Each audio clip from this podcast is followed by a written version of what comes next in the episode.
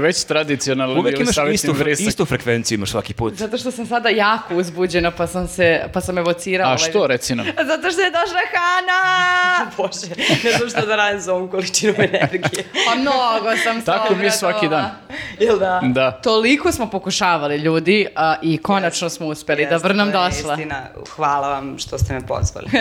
A, mi- Ja moram te pitam samo, je se, tvoje prezime kako se akcentuje? Tebi mnogi kažu Hana Selimović, a Hvala ti lepo što me to pitaš, kaže se Selimović. E, dobro, pošto je meni to logično, ali masa ljudi iz nekog razloga, a što kažu svi Selimović? E pa ne znam, moramo da sad pitamo sve, ali ne znam, da, ne, ne znam zašto je to toliko ovaj, kao če, česta greška zapravo, ali da, obično kad odem negde u neki kao ozbiljniji format, e, kao što je vaš, onda ljudi pitaju kako se akcent... Pa mi smo lepo vaspitani Apsolutno, ljudi. Znaš, kao prvih pet minuta na finjaka i da krećemo da vređamo gošću. A dobro, prvo malo, malo ih opustimo i onda... Kad, najma, kad najmanje očekuju. Da. A, želimo odmah na početku da vam se zahvalimo na podršci na YouTube-u i, pa- YouTube i Patreonu i da vas podsjetimo ako već niste do sada da se subscribe-ujete na naš kanal, molim vas, lepo.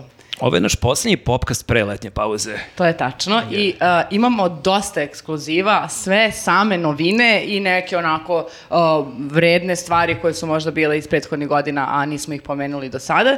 A, sa nama su danas naravno a, Manč i Converse. U to ime spremili smo Hani Pokljun. Hvala! Jo, pa baš ste me obrazovali. punak je sa O, Baš ste me poklona. obrazovali, hvala. Obrazovali. Izabrali Da, smo ti a, pastelnu lepoticu, Hvala. ovakvu da znaš i naravno da se Hvala. zasladiš. Jeste, to su one boje koje se uklapaju u sve. Jeste, Hvala. jeste, jeste. A boga mi, e, i mi smo se e, malo ponovili, zašto, zašto da ne. E, ja imam ovu majicu, a patiki ćete sada videti, evo te. Jeste, vidjet ćete u, u, u kadru Ovi bogovi krupan, ovi krupan bogovi kadar. montaže. Ja imam ovu sjajnu majicu, ja sam se oduševio, ti si danas išao do konversa i kad si poslala fotografije šta je u ponudi, ja sam se oduševio jer od ove četiri biljke tri imam, ali posebno mi je draga ova ovde biljka koju naš narod zove svekarvin jezik, zato što e, sam je Lepa imao... biljka. Ja, je- meni se jako dopada, ali šta je fora? Imao sam je pre, ono, već dve, tri godine i nisam je mnogo konstatovao, ali kad sam bio u Stokholmu, pošto imam dosta biljaka, ali kad sam bio u Stokholmu, provalio sam da je ta biljka tamo najpoznatija iz ne znam kog razloga. Svaka poštena kuća. Svaki kafić, restoran, ako ima iole neku biljku, ima i ovu i kako sam jako zavolio Stockholm, onda me i ta biljka podsjeća na taj grad i ja sam kupio još tri komada, tako da sad imam četiri ove biljke, sad imam, To čak- ti je kao imam da je ti čak i na majici, a do, dodatne fora što Jasminu moju malo nervira, tako da Aha. će sad da, da je nerviram i sa ovom majicom. ima neka kao simbolika iza biljke i to? E, ne znam koja je priča, e, ono što je meni mima simbolika jako dobro, lako se održava, ne treba se mnogo zaliva. To je Jeste, one ne. nisu zahtevne, mislim da ih zato i drže tamo još ove su otporne na vremenske prilike. Jeste, tako ne mora da... bude ni previše svetla, ni previše Jeste. vode, a navodno kažu da kao i pročišćava vazduh, tako da je sad imam i na majici. Mada da, taj naziv je dosta simboličan, verovatno, ovaj, da, zbog baš sam dužine htela da listova, mislim da je Pa zbog mislim toga. da, da je vizualno da podsjeća na jezik. Sve krvin jezik. Mada mene podsjeća malo, mene malo podsjeća na onaj grb SFRJ sa onim A, plamenom. to je prva biljka koja će da bude cancelovana izgleda, zbog naziva. Ali vidiš kako čuči mali levičar u tebi, podsjećate Jeste, na... evo. Dobro, Pa- ali prija mi da nije taštin jezik, bolje mi je sve. Pa dobro, da, To, ide. to lakše mi. Svakako neka žena ima jezičinu dugačku, Da, da. pa To sad je poruka. je- Ju. Ju.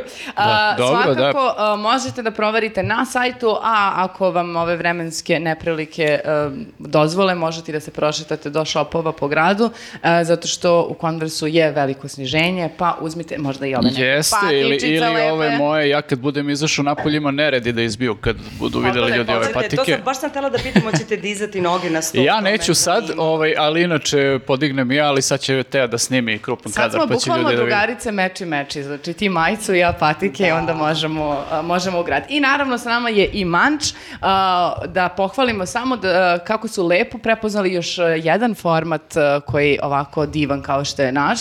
A, naime, oni su deo novog Agela Sessiona, ne znam da li ste imali prilike da vidite, bila je Bojana Monturišević. E, vidio sam najave, nisam još e, pustio, hoću na tenane da onako u porodičnoj atmosferi da to pogledamo, taman, ono, mi deca nisu bila na koncertu, taman da s njim pogledam. Ja sam pogledala i ganuta sam ne samo od kako su mu, muzički odradili, pošto ajde ne mogu baš iz te perspektive mnogo da pričam, jer jel te nisam muzičarka, ali ceo set ljudi kako izgleda. Znači, pritom su onih njih stavili dve prostorije, pa je Peđica e, i Bambi su u jednoj, e, sa nekim silnim frižiderima, nekim e, visećim kujnama, nekim lampama, ra- ne znam šta sve nema, a ovom u drugoj prostoriji su, e, su žene pokidali su stvarno, mnogo dobro izgleda, tako da svaka čast obavezno pogledajte i bar- bravo za Mančku je bio Pa deo dobro, toga. oni uvek podržavaju neke cool stvari. Jeste, jeste, to je, to je tačno, tako da hvala im i na tome. E, sada da počnemo, a, a, mislim da treba da krenemo od filmova. Da, ovo je presedan. Krećemo od filmova zato što je naša draga gošća gledala juče prekjuče jedan vrlo aktualan film i mnogo toga ima da nam Pa kaže. dobro, da, ovih dana su aktualne te dve premijere koje su baš digle prašinu, a ono, još se nisu ni desile, tako da, ovaj, šta si ti gledala?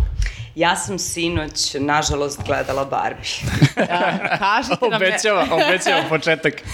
E, ja sam jutros ustala i videla Hanin story kako izlazi e, sa filma i psuje i bila sam u fazonu yes. Čekaj, baš psuje, psuje, baš ono... Pa onako, vidi se da nije zadovoljna. Mrli e, mori.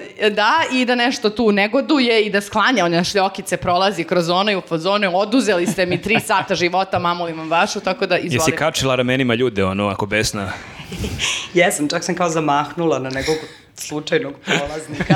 Da, to je više bilo malo zajebancija, ali ovaj, da, e, ja sam otišla baš onako potpuno bez predrasuda, s obzirom na činjenicu da sam e, nekim čudom ono, izbegla čitav hajp oko kampanje i najave o povodom filma.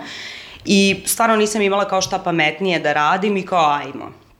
Ovaj, I već ono posle desetak minuta sam baš bila ne znam, prvo nekako budeš zbunjen, kao dalje moguće da, mislim, ovo ide u ovom pravnom, mislim, kao, onda si u fazonu, malo gledam ljude, kao, čekaj, možda, mislim, možda sam ja, kao, a da vidim da li sam ja, kako ove moje kolege što sa mnom su, pa vidim, malo su podeljene i tu, pa sam se suzdržavala dosta, ali, um, film me je zapravo baš uh, uzrujao, zato što imam utisak da je kao, da su ostali u domenu e, neke tako banalne sprdnje, mislim da bi mogli da naprave sasvim dobar ono bioskopski trash koji bi se Da bude gledao. makar zabavan. Da.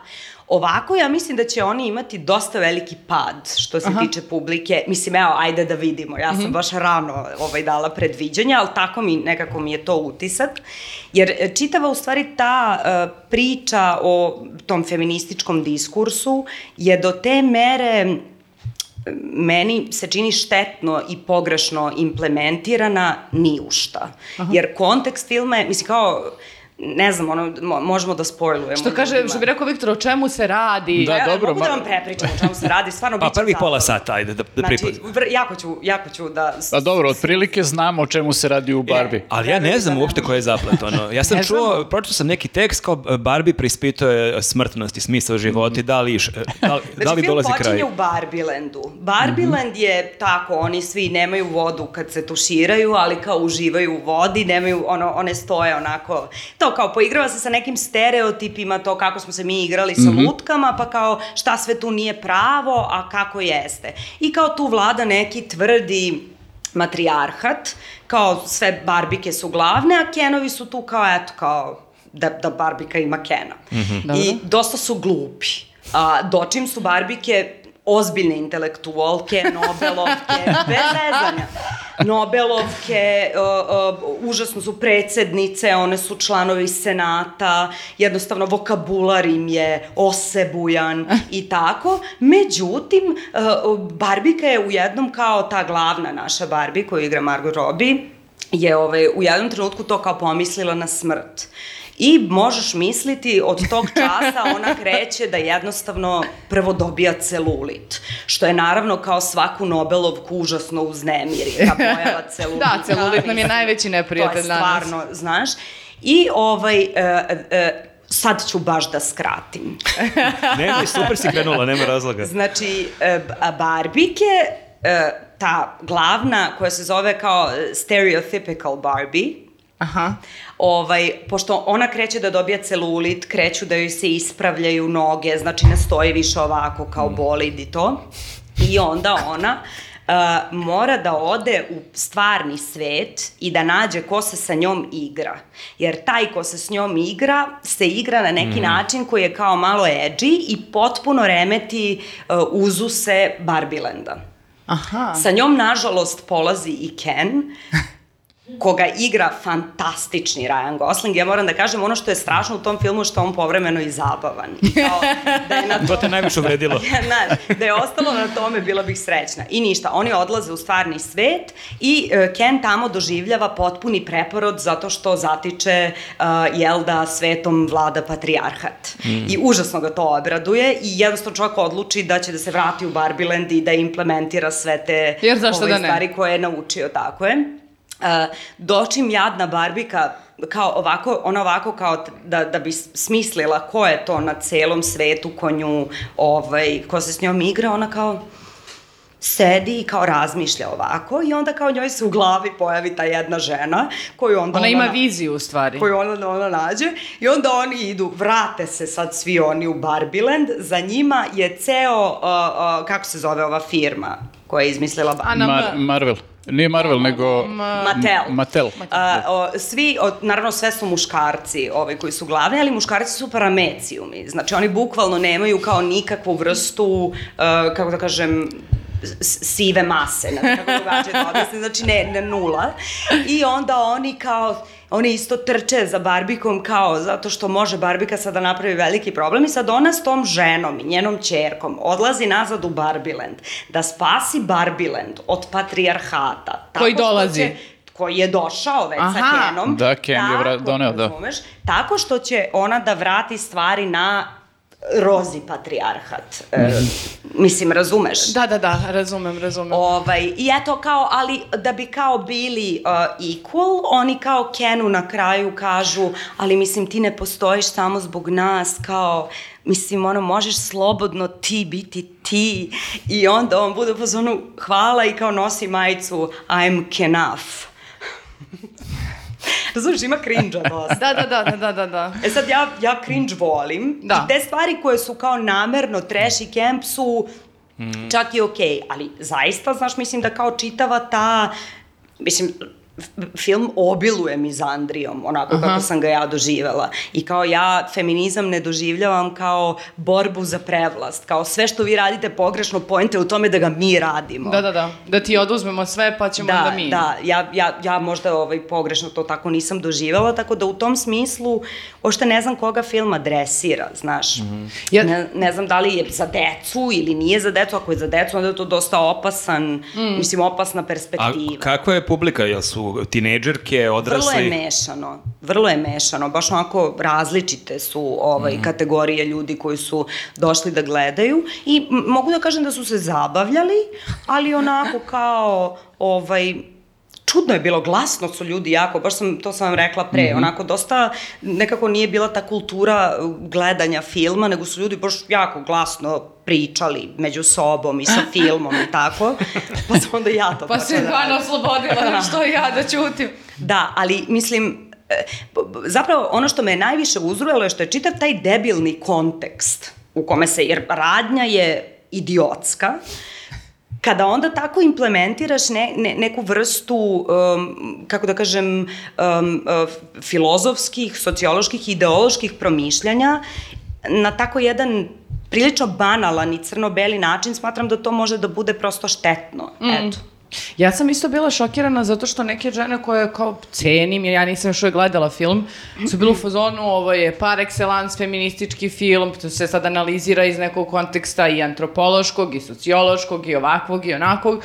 Ja sam bila u fazonu, ne- nemam sad neki toliki hype koliki se nalazi u društvu. Mislim, kao, ok, otići ću pogledam film da bi mogla da, jel te, budem onda relevantna sagovornica da kažem da, sviđa mi se ili ne, ali nisam razumela zašto je sada to toliko Da li, mi stvarno, da li nam stvarno Barbie treba da bismo mi pokrenuli kao suštinske, ono, feminističke teme u društvu koje A su čekaj, nam moram da potrebne? pitam u kom momentu, mislim, nemam dovoljno ono znanje za tu priču, ali samo postavim pitanje, u kom momentu je Barbie postala feministkinja, zar nije ona decenija bila to? Pa upravo Ne, ne, tome... Sad oni Da. na silu pokušavaju Oni da se se operu. brane time što, uh, jel te, ona jeste uh, uh, s jedne strane simbol uh, prezgodne, premršave, bele žene koja ima neki uh, standard lepote koji prosto većina žena fizički ne može nikada doseći, ali sa druge strane brane tu premisu da je ona feministički ne znam šta ili generalno da, je, da, da prati sve trendove zato što su se sa svim velikim društvenim promenama koje su se dešavale i Barbie e,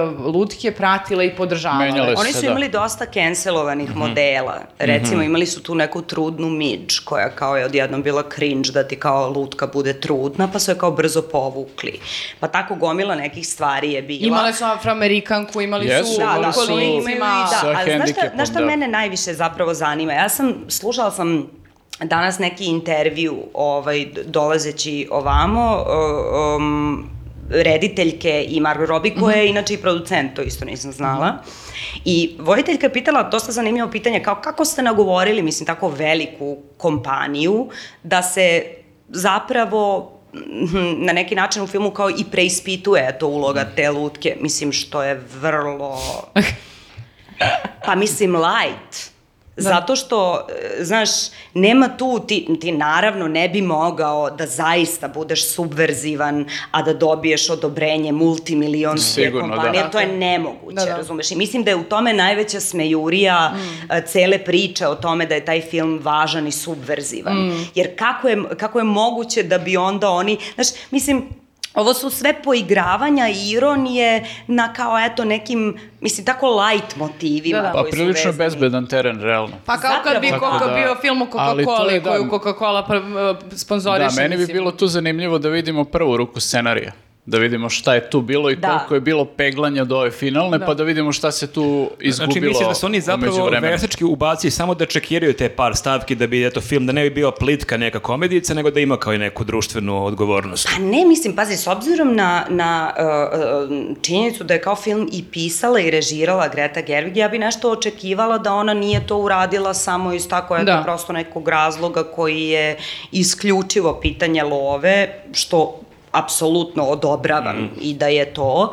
Ovaj, ali mm, ne znam kako da vam objasnim, dešava se kao da, kao da u tom scenariju ima puno posađenih semena koje su zapravo i mogla da odvedu negde, ali zapravo nijedno nigde nije dovelo i to je sad odjednom neko kupusište u kome kao mi se sa svime šalimo, ali zapravo ni sa čim do kraja, Da, da. Sem sa time da su muškarci retardi. Pa dobro, zato što je to sad narativ koji kao može da se e, provuče. i Da, da najvažniju stvar sam zaboravila da vam kažem šta je sam kraj. Barbika Čekaj, u stvari... jel nemoj da previše spojlaš ako je baš ono... Pa ne, ma mislim kao samo... Mislim, Pa ja sam sad ispričala sve, sve sam. Pazi, ja i dalje, uprko svemu ovome, Idem da o- hoću da idem da gledam Da, film, da. tako da mislim da nije to kao taj, taj tip spoilera da, da će da ti upropasti gledanje. Da. Pa mislim, nije kao, nije kao da Ko ti ubica? zapravo oče... Da, da, nije kao, nije hudanit, Ko je ubio a Kena? nije, znaš, a nije ni, nije ni, mislim, ta priča nije su- suvisla da bi ti bilo Da, da. šta u njoj moglo biti pokvareno u tom smislu nekom logike, ali u stvari eto kao Barbika na kraju hoće da je human. Ona se kao sretne sa svojom tvorkinjom i ovaj kaže kako hoće kao eto, kao ideje su večne, a ljudi imaju samo jedan kraj, ali ona baš hoće taj jedan kraj i to je onako, ima naravno onih američkih, ono, crvljivih, razumeš, ono kao cringe, uh, kao toplih momenta. Motivational, A ono, da. da. i onda ona dođe i kao, i sad kao ona je konačno, a da, kao kad uh, je Barbika, kao to su samo high heels i kao neće da postane čovek zato što onda mora da nosi Birkenstocki Da, da, grubinke, da, da. to kao odvratne, kao grubinke, kao ne, kao to, eh, kao povraćaju ovako na to. I kao, i na kraju ona u grubinkama ulazi u veliku zgradu, mi smo sad u fazonu šta je, kao ide Barbie da se zaposli i ona kao I'm here to see my gyne gynecologist. Wow. Što ginekologa? Pa kao sad ima Širi valjda, svest. razumeš, pošto kao bar, Aha, Da, kao sad sada može- Barbike nemaju genitalije. Jeste, da, Čekaj, sad pa ona ima... Ken, ni Ryan može Gosling, da... znači nema ništa. On je jako, nema ništa, Nema kažu ništa, da nema, nema, naravno. kažu da nema, ima dosta mišića, baš puno mišića. U tom ima. gornjem delu, ali ovaj donji deo Neprijatno. ništa. Donji deo nam nisu toliko prikazivali ili tvrde da nema ništa, isto kao što i za očiju deluje da mu nije ništa, stvarno fantastično, velike pohvale za gospodina. Nisam dugo videla da neko tako autentično igra glupaka. Baš svaka čast. A kako ti je Margot Robbie? E, pr- pr- pre stereotipna. Mislim, ako su već želeli da naprave film o Barbie, ja sam želela da tu vidim zapravo zaista neku vrstu, kako da kažem, sloma Da, bilo da, da. kakvog koji će dovesti do toga da ja gledam jednu drugačiju ženu, a ne samo ženu koja je isto prelepa došla kod ginekologa. Mislim, Da, da. ne, ne vidim šta je tu Ne znam, mo, možda sam ja prosto loša publika, ok, pristajem da ja nisam ciljna grupa za Barbie. Da, ja sam isto iznenađena zato što kad sam videla ko je rediteljka, ja gledala sam njene prethodne filmove. Ja, bila šta sam- ona radila pre? Ne, ne One male Uh, Little žene. Women i O, uh, Lady- Lady Bird. Aha, okej. I mislim da je, da li još neki... Uh, To su dva koje sam ja gledala. ja, isto sam ja ta dva gledala i mi se čini da je još... Nebitno je. Molim? A to Ne. je to Mar- ona marriage story. Eto, vidiš. Evo, naježila mi se gluva. Uh, Teodora javlja da je možda radila i Marriage Story, tako da ako niste gledali, to obavezno gledajte. Ako nismo, ako nismo pravi, kriva je Teodora, ona je rekla. Da, da, da. Pa da, to je stvarno jedan od boljih filmova koji sam pogledala. A da, i onda zbog toga sam u fazonu kako je moguće da se da je do ovoga došlo i baš bi da pogledam i ja da vidim šta se tu dešava. Jer kao ne... Vidjet ćete, kao da film nema zapravo ciljnu grupu. Niti je za decu, niti je za feministkinje. Niti je za muškarce, niti je za odrasle, niti je za ljubitelje barbika, niti je za, ne znam, hejtere ali, sva, ali barbika. svakog pokušavaju da malkice. Da, ali to to- Mislim da da. Da, zvuči Ali mi kao jes- da su na kraju iskarikirali Catch all. ideju feminizma. Tako Ja, mi ljudi, ali kad smo kod... Da. Pa, uh. Kad smo kod uh, toga koga sve privlači, znači uh, sada ja gledam slike sa premijere uh, i uh, neki eventi su bili, sada je svi su obučeni Barbie, kao da, u da. Barbie i postoji tu ima slika sa neki dečko kao sada je Barbie, ne znam, Sofija Milošević, a Ken je neki njen ortak koji je kao naš srpski Ken. I okej, okay, fajn. Međutim, postoji jedna slika da oni tako poziraju, tako u roze obučeni, a pozadi dolazi oluja i sad zato ova slika koju svi dele, da je ovako nebo prepolovljeno na pola, ovo sivo, ovde je belo, spajaju se dva jezgra, šta god, da. a oni svi ovako, ja sam bila pozorno, bože gospode. To nam Bog poručuje, ne gledajte ovaj Kad film. grune. Pa ne, zato što doslovno ovi mimovi koji su postojali kao go, dole Barbika, go, gore Oppenheimer, uh, pa kao To je bilo, spojene, da. ja sam tu sli, tu, to postoje, pa sad ćemo ovde da stavimo, ja sam se toliko sinoć smela, da sam kako je moguće da makar se nisu okrenuli da n- ne bude pozadina ovo, ništavilo koje dolazi, a oni su i dalje svi našminkani, nasmejani i obučeni u roze, kao idemo da gledamo premijeru, jer kao to će sve da nestane bukvalno za dva minuta, jer su ljudi spašavali opremu i sve. Jako je čudno zato što u, toj, u sredini filma ta žena koja je mm, prava žena koja dolazi, ona kao počinje da objašnjava poziciju žene zapravo u pravom svetu i tako prekobrće barbike koje su bile zaluđene sve za svojim... Prekobrće, obožavam, obožavam izraz. Razumeš? I, ovaj, I onda ima taj jedan monolog koji je, kako da kažem, kad, kad, kad, ti, kad bi ga ti izvadila i pročitala na papiru, ti bi bilo fazonu ok, ono, Ja ono slažem. mogu ovo da potpišem, Dobro. razumeš?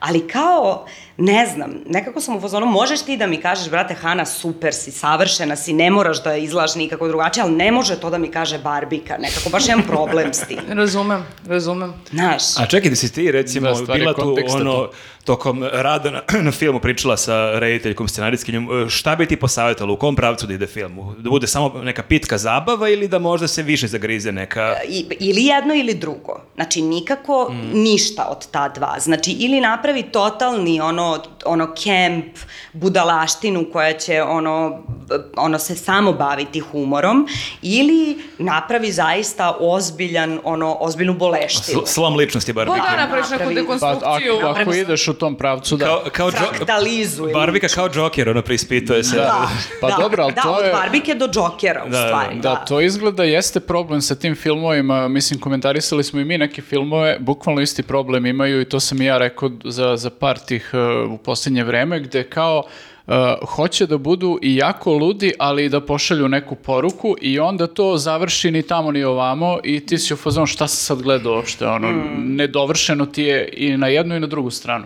Ali vidiš, Jokeru su to zapravo mnogi zamerali. Jokeru su zamerali odlazak in deep u nekom smislu i kao to više nije Marvelov Mhm. Joker koji je ono belodano je šta je zlo, šta je dobro. Joker je prosto zlo i kao Mhm. kako možete sad propagirati to da mi njega Jeste, sad ti da kao saosećaš sa njim i posmatraš A, ga se malo i kao ljudsko što su- biće, da. Što je bila slična primjer kada je posle gladijatora je trebao izađe Aleksandar Makedonski, sad ljudi se svi lože, sad će kao neki novi gladijator, bitke, ovaj ceo film preispituje svoj život, otprilike ima nula bitaka, vi ste bilo fazon, dobro, sve je to super, daj malo rokanja da vidimo. Da, da. da, da. Ali dobro, meni se svidelo kod Jokera što preispituje to zato Ja sam što... bila fan Jokera. Da, da, ja sam gledala kao par puta taj film jer mi se baš videla činjenica da ti Ma, da, možeš je- da vidiš kako se zlo i rađa na kraju dana. Naravno. Nisu svi rođeni zli. Apsolutno. Joker je a, ono izravna referenca na taksistu, a taksista je kao na ono svoje korene zapravo vuče iz Dostojevskog, iz ono zapisa iz podzemlja.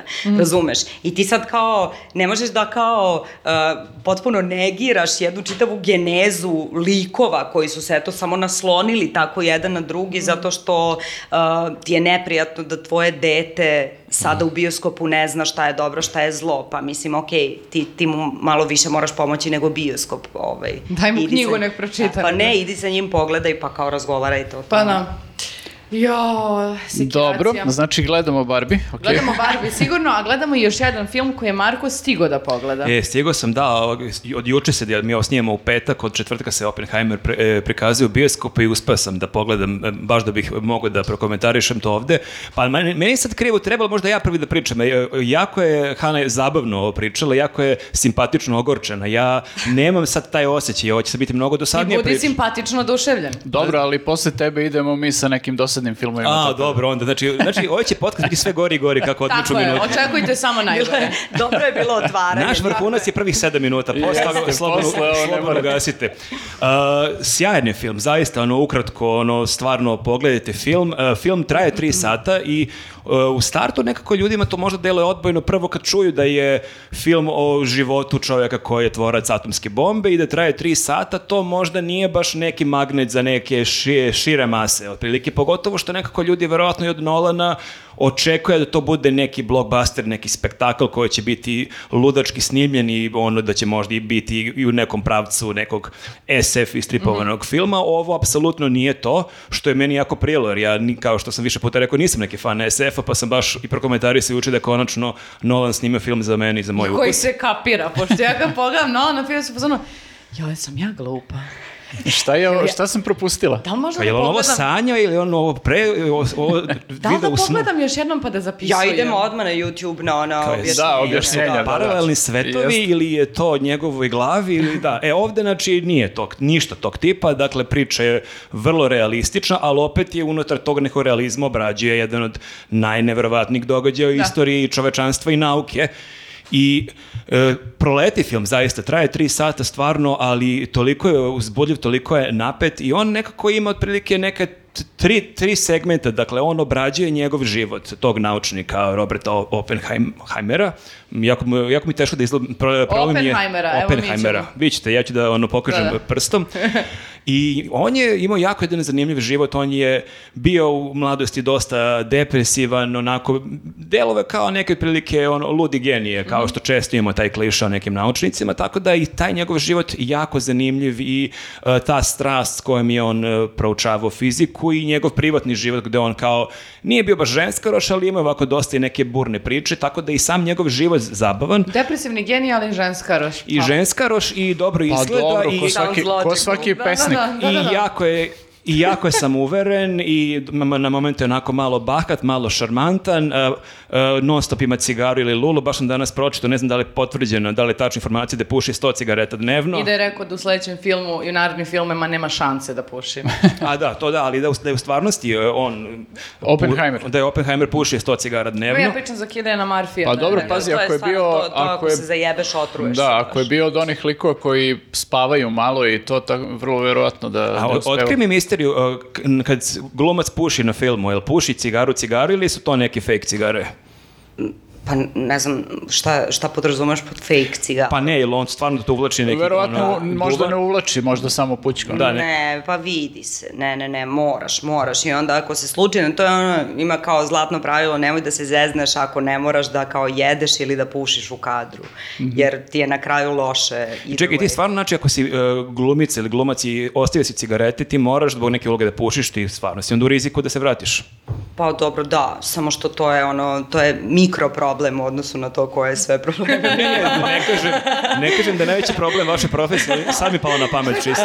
Da, ponovo sam propušio zbog uloge. Glumica, pa cigare sigurno nisu. Ili namerno, kao ostaviš si cigare, ali namerno biraš uloge pušača da bi mu Da, izgleda da, da, da, pušiš. kao- kao Pa namerno, jebi ga morao, Morao sam zbog uloge. namerno grešiš, ono, Kao- 7 puta ponavljaš tu scenu da bi Kao, ja imam ko, do ja mene. u tartifu, ja u tartifu pušim non stop, ono, i onda mi ljudi uvek, ono, koji gledaju, ono, predstavu posle kažu, brate, ono, jedva smo izdržali, znači, toliko mi je, ono, toliko mi se palila cigara Jeste, kao jeste. strašno. I svaki put kad se puši u pozorištu, ja sam u fazonu, uff, Je, jeste, jeste, Sad pa nekako je. deluje bolje nego u A to životu. je, ne, ali vidiš kako je ne. to nepravedno, ako već glumci dime ono, pozornicu, zašto ne Trebalo biste bi i vi mogli onda? i publika, da. pa ja sam, ja, a makar ove le, Je li savjeto bi to dozvolila? Nemoj u tom Ali i pravcu. da nešto malo i vi izvedete za nas. neka, neka, ja to ne bi, ali uh, cigareta, mislim, ako može iPod, Je li ja savjet sad znam. ono uh, svakoj predstavi gde se puši u prvom redu? Da. A, se ti sad, znači, ja se sećam kad smo krenuli mi na faks, apropo tih cigareta i pušenja na sceni, u jednom momentu je bila priča, pošto su krenule zabrane, to je bio onaj prvi talas zabrane svega, Da. da u jednom momentu uh, na Mati Milošić sceni na FDU kad vežbaš, nisi, sme, nisi smeo da, da pališ cigaru. jer Ne znam, nisu me primili na državni fakultet. Crkli da Bog da. A, crkli da Bog da, jel vidite sad šta ste propustili, a mogli ste da se kitite njenim perjem. A, I onda je bio što kao kako će sad u pozorištu, jer kao ako su tolike zabrane pušenja da ne sme u pozorištu, onda se postavlja pitanje ako ne sme, kako onda sme na sceni da se, da se zapali Pa cigara. negde i ne sme, u Da. Evropi negde i ne sme, mislim što je jako debilno. Isto i onda se zaista koriste, evo izvini sad, ti si potpuno u pravu, postoje Fake veštačke, cigare, da. Znamo šta One koje pritom. samo svetle i to kao električne, pa kao onda se napravi da liči na cigaretu, to je zaista toliko. A ček, jel dime ili ne dime ništa? Pa dimi, mislim. Zbaci kao neku paricu, ja mislim da smo imali to negde, da smo videli. Da. Kao plastična je cigareta. Jest, kao polu vape ono Da. samo u obliku cigare, da. Ma ima to negde, ali mislim da su, da su vrlo brzo ljudi bili fazonu, dobro, stvarno ne, bruku, ne brukajte se. Da, Da, da da. ne, pre, ne preterujemo. Elem, ovaj je pušio prave i to mnogo. Ovaj je baš dosta ono, prepušio i vrhunska mu je. Stvarno, ja ne znam, ono, koji će, koji ćeš film izaći narednih par meseci, ali stvarno mislim da može da dobije Oscara za ulogu, vrhunski je to odglumio. Dakle, da, ali kažem, osim njegovog života koji je ovako dosta bio zanimljiv, e, centralni deo tog filma predstavlja ta priča o e, projektu, o Manhattan Projectu i o, o projektu tokom drugog svetskog rata kad je američka vlada saznavši da Hitlerova Nemačka radi na atomskoj bombi, oni su na brzinu gledali da skupe ekipu najboljih fizičara i naučnika i da probaju da ih preduhitre. Tako da je on onda bio vrbovan i u startu je to bio problem, da, to nisam rekao, što je on bio dosta ovako ekscentričan i- nepodoban, jer je on u mladosti bio jako zagrižen za neke komunističke ideje, čak Što je u Americi prilično problematično. što je bilo pro- problematično. Reci sve, samo ne da si komunjan. Pa i pre drugog svetskog rata je to bilo problematično, Jeste, da. a kamoli posle, Posle, drugog da, svetskog posle rata, ali da, on je zaista ovako, bio je jako jedan zanimljiv lik koji, osim toga što je bio genije za fiziku, jako je bio načitan, jako je pratio književnost, savremenu umetnost, govorio jezike, ne znam koliko o jezika, ali ima ta neka scena kada on u Holandiji drži predavanje na holandskom i onda u razgovoru sa jednim kolegom on kaže da je tu šest nedelje, da on za šest nedelja naučio holandski. Tako da je ovako baš bio jedan potpuni genije, ali taj središnji deo priče je zapravo jako zanimljiv, osim priče o njemu, i sama taj proces e, stvaranja atomske bombe, gde, o kom ja stvarno priznam da nisam mnogo toga znao i to je Nolan i fenomenalno snimio, gde su oni na njegovo insistiranje odabrali jednu tačku sred pustinje u New Meksiku, gde su napravili grad jer on imao teoriju da ne možeš ti da motivišeš najbolje naučnike da godinama žive negde bez svojih porodica. I onda su oni imali ideju da tu dovedu žene, decu, tu su napravili i školu, crkvu, bar, sve što ti treba prilike, nešto što ti je najosnovnija potreba da tvoja porodica bude tu. I jako je zanimljivo ovo, kroz ceo film se preispituje i on sam i ljudi oko njega upravo taj e, etički moment e, i moralni moment otprilike, s jedne strane si naučnik i radiš nešto najkrupnije, to je zaista san svakog fizičara u tom trenutku bio da učestvuje u takvom nekom revolucionarnom procesu, s druge strane znaš da to radiš zbog, zbog da, bombe. da. A opet s treće strane znaš da ako ti to ne uradiš da će Hitlerova Nemačka to uraditi i da ti na neki način Da, to je nekako iznuđeno. iznuđeno je i zaista to veliko preispitivanje. Ti praviš oružje koje će ubijeti na desetine hiljada ljudi, ali negde sebe želiš da utešiš da zapravo ako to ti ne uradiš, to će biti kraj čovečanstva, a da pritom kad sam kod kraja čovečanstva, jako je zanimljivo u onom momentu što oni sad u teoriji, oni nemaju pojma šta će se tačno dešavati i oni tek par dana pred bacanje atomske bombe na Hirošimu su imali prvu probu da su prvi put bacili bombu u toj pustinji i da do samog tog dana oni nisu mogli baš 100% da garantuju da će bomba eksplodirati, da će se pokrenuti taj proces na koji su oni teorijski računali već godinama, ali osim toga u jednom momentu se pojavljuje neka teorijska računica koju je neki njegov kolega izračuna da postoji šansa da kad se pokrene ta, to cepanje atoma i ta nuklearna reakcija, da ona može da se širi eksponencijalno i da može da dovede i do uništenja atmosfere, to jest do kraja čovečanstva i biljnog i životinskog sveta.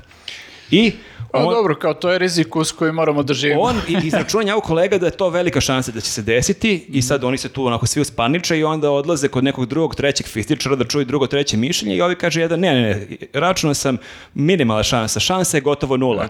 I to je super kad on tom nekom generalu na dan uh, bacanja te prve bombe kaže, ovi ga pita, pa kao, jel čuo sam da postoji ta šansa? E, jako je mala šansa, šansa je gotovo nula. Kako to, a Matt Damon glumi tog generala i jako ima za, zabavnu ulogu, onako fenomenalnije. Kako to misliš gotovo nula? Ja ću da čujem nula, neću gotovo. Ne, ne, to skoro da je nemoguće da uništimo Nemoj ni da planetu. razmišljaš, Da, da, da. Ne očekujemo da će. Ali to je verovatno trebalo. te ono naučne perspektive koje sve iz, u, u brojkama posmatraju. Jeste, Tako da. i u medicini, Da, u da. svim tim naukama. Šanse oni između nula i sto. prataju. Da, da, Pa i jeste, ali je blizu je, nula, onda smo ali je dosta velik rizik da uništiš sve što postoji na planeti. Znači, Da, nije da. kao možda operacija ne uspe. znaš. Jeste rizik da to kao ako si omašio u računici, to gubiš sve, tako da jeste problem. Ali stvarno zvuči kao fantastično pisanje, mislim, ovo o čemu ti pričaš, zato što, pazi ti sad koliko je to, ono, svemu što si ti ispričao, koliko je tu lejera. Jest, a razumeš? ima i treći nit koji, o, koji nas preseca sve vreme, a to je što ti počinje film i ti su kadrovi crno-beli, počinje u nekim 50. godinama gde ti vidiš odmah da je on u nekom problemu, da je on pred nekom komisijom, da li je to suđenje, nije suđenje, ali vidiš u startu da njega optužuju za nešto i ti već na početku vidiš da njega optužuju da radi protiv interesa Amerike. Tako da imaš otprilike te tri neke paralelne priče, najveće priče tokom rata, kasnije šta se s njim dešava i njegov početak, njegov život, ono, školovanje, neke ljubavne afere i slično. Tako da, e, mene, je, moram da priznam da mi je nekako, e, najmanje mi liči na Nolanove filmove, mene je najviše podsjetio taj osjećaj koji sam imao dok sam gledao film, na onaj osjećaj koji sam imao kad sam bio klinac, kad sam gledao JFK, ono, film Olivera Stona. Na njega me dosta podsjetio zato što obrađuje sličnu epohu, ajde ovaj se dešava možda 10-15 godina ranije, ali imaš istinitu priču, imaš to neko suđenje, neka komisije, neke Liči dokaze. to da- taj fazon, ali da. najviše liči to što imaš jako mnogo likova, jako mnogo spletki afera i film je jako zahtevan za gledanje. Zahtevan u smislu da, i to je baš mi bilo zanimljivo kad sam izlazio iz bioskopa, neka dva momka iza mene pričaju i ovaj mu kaže, brate, ne bi mogao da gledam na laptopu, kao ne mogu da zamislim. I to je negdje imao osjećaj. N- Ne samo što je spektakl, mislim, jeste spektakl, ali ne toliko sad spektakl kao što postoje neki drugi blockbusteri, kao da ćeš da ne znam, Ne ono kao vizuelno toliko, jel? Jeste i to, ima stvarno i to ću da kažem, ima i takvih scena, ali više u smislu što smo mi baš malo pre pričali koliko smo se mi malkice ulenjili, koliko i nama e, fokus za čast ode levo desno i ja zaista mislim kad bih ovo gledao ono na laptopu ili čak i na televizoru u stanu, to malo bacim, odem da napravim kafu, ve, stigla mi poruka, a mislim da ovakav film ne može tako da se Mora gleda. iz cuga. Mora, mora iz cuga i mora da budeš jako fokusiran. Čak i kad si fokusiran, toliko je mnogo tu likova i toliko je tu mnogo i naučnika i političara i spletki i ko je tu kome smestio, ko je tu radio protiv koga i zbog čega je neko radio protiv Moraš da koga. pohvataš I sve, da. koje su bile njihove lične moralne preispitivanje ili njegovi, njihove lične sujete raznih naučnika. Tako da baš onako mora da se prilično pažljivo gleda, a da, film zaista ima neke fenomenalne scene, zaista Nolan genije kako snima i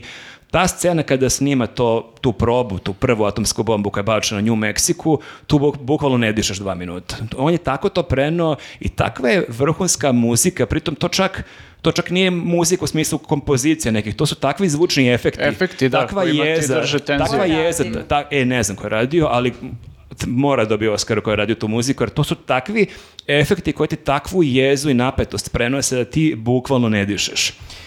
Uh, čoveče, Pa dobro, jedva za takav, čekam, ja za takav sud. film bi bilo grota da je bez veze neki soundtrack, tako da, Mm. ovaj, pogotovo što kao imaš i dosta nivoja radnje i dosta je onako grandiozna je sama tema, znaš, ne moraš ti sad da imaš tu ne znam čak kakve ni te a, vizualne efekte, ako imaš to samo prvu probu atomske bombe u pustinji, kao to ti je već ono neverovatan Ne, događaj. ne, ja ne znam da li je ono, da li je ono moglo bolje da se snimi. Ja ne znam da li bi jedan reditelj ono bolje snimio i da, i sjajni su još i glumci i Robert Downey Jr. je fenomenalan. Nije vidim da se spekuliše da, da će on možda biti nominovan Neki za... mladi šveđanin je radio soundtrack, E, samo izvinite. sva- neki- svaka čast. Ludwig Göransson. Ludviž, Göransson. Ludviže svaka čast, ono. Ja, pa onda navijamo njega da dođe Dobro, neki. mislio sam da će to moći da se gleda s pola mozga, ali ne može E, nikako. baš ne može s pola mozga. Da, Pa, mislim, jer- može, ali nećeš... Ponadao. Ne, ponadao se, zato što sam nedavno... Idi na Barbie. Nedavno sam gledao, da, Barbie pa, pa Oppenheimer. Ali ne ukači možda ceo feminizam u Barbie ako gleda s pola mozga. Da, pa ovaj, zato što sam gledao nedavno ovaj prethodni Nolanov film Tenet. To, sam, I to nisam gledao, čuo sam to niko nije ukapirao. To je SF koji je jako naporan, ja mislim da sam ga gledao jedno, jednom sam krenuo i na pola sam stao i bio sam fazonu kao da si me pregazio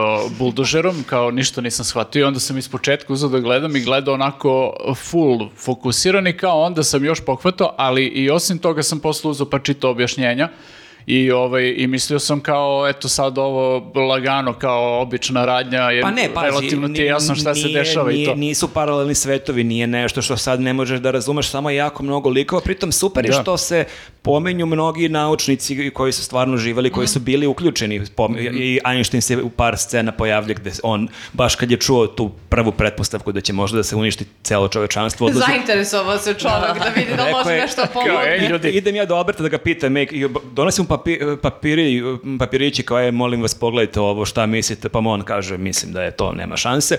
Uh, I Neil Bohr se pominje i tako i još neki aha, drugi aha. naučnici, tako da stvarno ne znam, meni je film jako prijao i zaista je preporuka velika, ali gledajte ga u bioskopu, stvarno greota je gledati ga u Mhm. nekim kućnim uslovima, čak ako imate neki ono, ne znam koju dijagonalu televizora, nekako drugačije čovek fokusiran na film u bioskopu. Iako, pa ideš- iako ovo što ideš ti da kažeš, gledaš film. Jeste, iako ovo što ti to i kažeš, ajde, ovde nije bilo tog e, dobacivanja i ne znam šta, ali ono što mene jako nervira, to je što u bioskopu, gde god da sedim, moram u perifernim vidom da gledam nečiji mobilni koji uključuje Viber i da gledam njegovu prepisku i da gledam Znaš šta je fora? Ja mislim da se to malo, da se ta kultura zapravo ajde da kažem, ponašanja u bioskopu izgubila zapravo sa činjenicom kada su svi naši bioskopi bioskopi prodati, a kada smo ostali samo u ono Cineplex U spektaklima. centrima.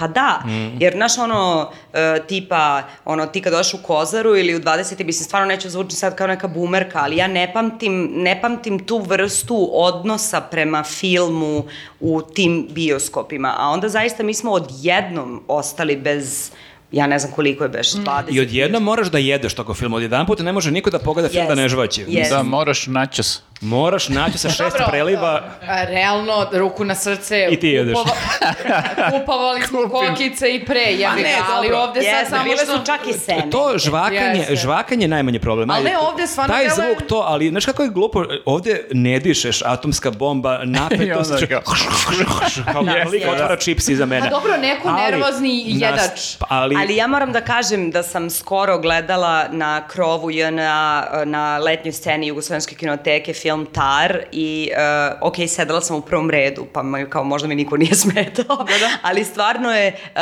u kinoteci je uvek drugi vibe gledanja Jeste, filma. Jeste, jeste, jeste. Stvarno jeste, znaš, nekako prosto drugačije, drugačije je koncentracija. Ja, Ja- mislim da je ovo, ti si u tržnom centru. Pa jesi, mislim. ti si to spektakl i sala je spektakl i svi tu jedemo, pijemo i to, kažem, to žvakanje negde i prihvatam, ajde, da te ne grešim dušu, ja nekad jedem kokice, ali ne, jel moguće pre neki, ne- baš kad se gleda Diana Jones, lik se dopisivao s nekim na Viberu na svakih pet minuta, pa kao je li moguće da ne možeš da sačekaš Da, na da, to i mene nervira, ali ja sam stvarno postala one babetine koje se okane kaže, izvinite, ali može ti Ja isto. Ili molim vas, sklonite telefon. Ili barem da malkice zamrači Onaj ekran, ono blješti brightness, ekran, brightness Ma izbezobrazila se publika, bre. Pa stvarno mislim, ok, ja razumem, možda nekom je nešto hitno, a brate, ja ako mi se to desi, ruka u, u torbu, pa ovako, znaš, ono, da gledam, da se slučajno ne vidi dalje i kao Tako da, opet... hoću kažem, gledajte u bioskopu uprkos svemu ovome i dalje je bolje Ometanje. nego da gledate ono Bravo, kući. bravo. Ja ću, boga mi, onda za vikend u gledam- gledamo to sve. Znači, kokice kokice, kokice, karte. čips i dopisuješ se s nekim. Ne dopisujem se, ja nisam taj lik. Znači, nemoj da si bezobrazan. Dobro, hoću ja, hoćeš ja ili ti? Možeš ti, ajde. Ok, ja nisam se nešto proslavila u prethodne dve nedelje sa filmovima, nisam stigla da gledam Barbie, jer je oko Zagreba pošast. Znači, ja ne znam šta oni ljudi rade, ali ako smo kukali da ovi naši a, rešavaju probleme autoputa u sred sezone, krenite ka Zagrebu i shvatit ćete da o- ovo oko, ne znam, Smedereva i da je već oko Batočine nije nikakav problem. Znači, tri Ne sata... znaš što da govoriš Što? Srbima, da smo bolji u nečemu. Ne, ma ne, nismo bolji, ali ovi ništa... Nego su Hrvati gori. Nego su isti koji mi, Evo, brate. Informer sutra ili savjeta priznala.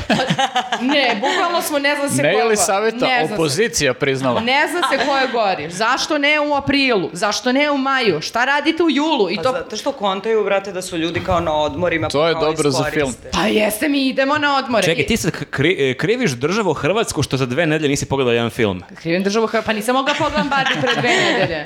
Mogla sam sinoć. Pa nisi Barbie, pa ili imaš neki film da se gleda Htjela osim... sam Ba- Barbie. Pa dobro. Htjela sam Barbie. Ali dalje hoćeš na- nakon nove hajne hoću, priče. naravno da hoću. Naravno, i onda kad bude krenula nova sezona, mi ćemo prvo da vam kažemo naše utiske. Gledali smo Barbie. Jest, jest. Gledali smo Barbie i Hana nije u pravu, film je do jaja. A zovemo opet Hanu da se svađamo, kao, što si ovo rekla? Hana je strašno pogrešila Da, da, da. kao percepcija. Ne, Hana nije ništa razumela, nije- nije nije razumela tu dubinu. najbolje. Ali moguće. Nat. Verujem da nije. Dobro, i on je slojevit kao Oppenheimer. Ja sam zato pogledala, mislim, gledala sam filmove, ali mi se ovaj nešto, nije me mnogo kupio, pa sam zato tela da gledam neki koji će da me, jel te, malo, ono... Uh, ovo sam našla na Netflixu, uh, zove se godina kada sam počela da masturbiram, jako mi je bio smešan naziv, bilo sam u fazonu, pa ajde da vidimo o čemu se radi. I o koje godine je reč? A, pa ne, a, dve, nov, film je nov, izašao je prošle godine, neki švedski. I generalno mi se sviđaju o, ono, skandinavske produkcije, imaju neku dozu humora koja je meni jako prija. Naročito kad obrađuju seks kao temu. Jeste, i ge- generalno društvo, ono, muško-ženske odnose Mm, i eto, tako da, da. su jako duhoviti, vrlo je to nekako bez nekog pardona, opet vrlo osvešćeno i na mestu. I ovde se radi o ženi koja ima, na prim- ima 39 godina, dakle na, nalazi, nalazimo na nju par dana pre njenog 40. rođendana.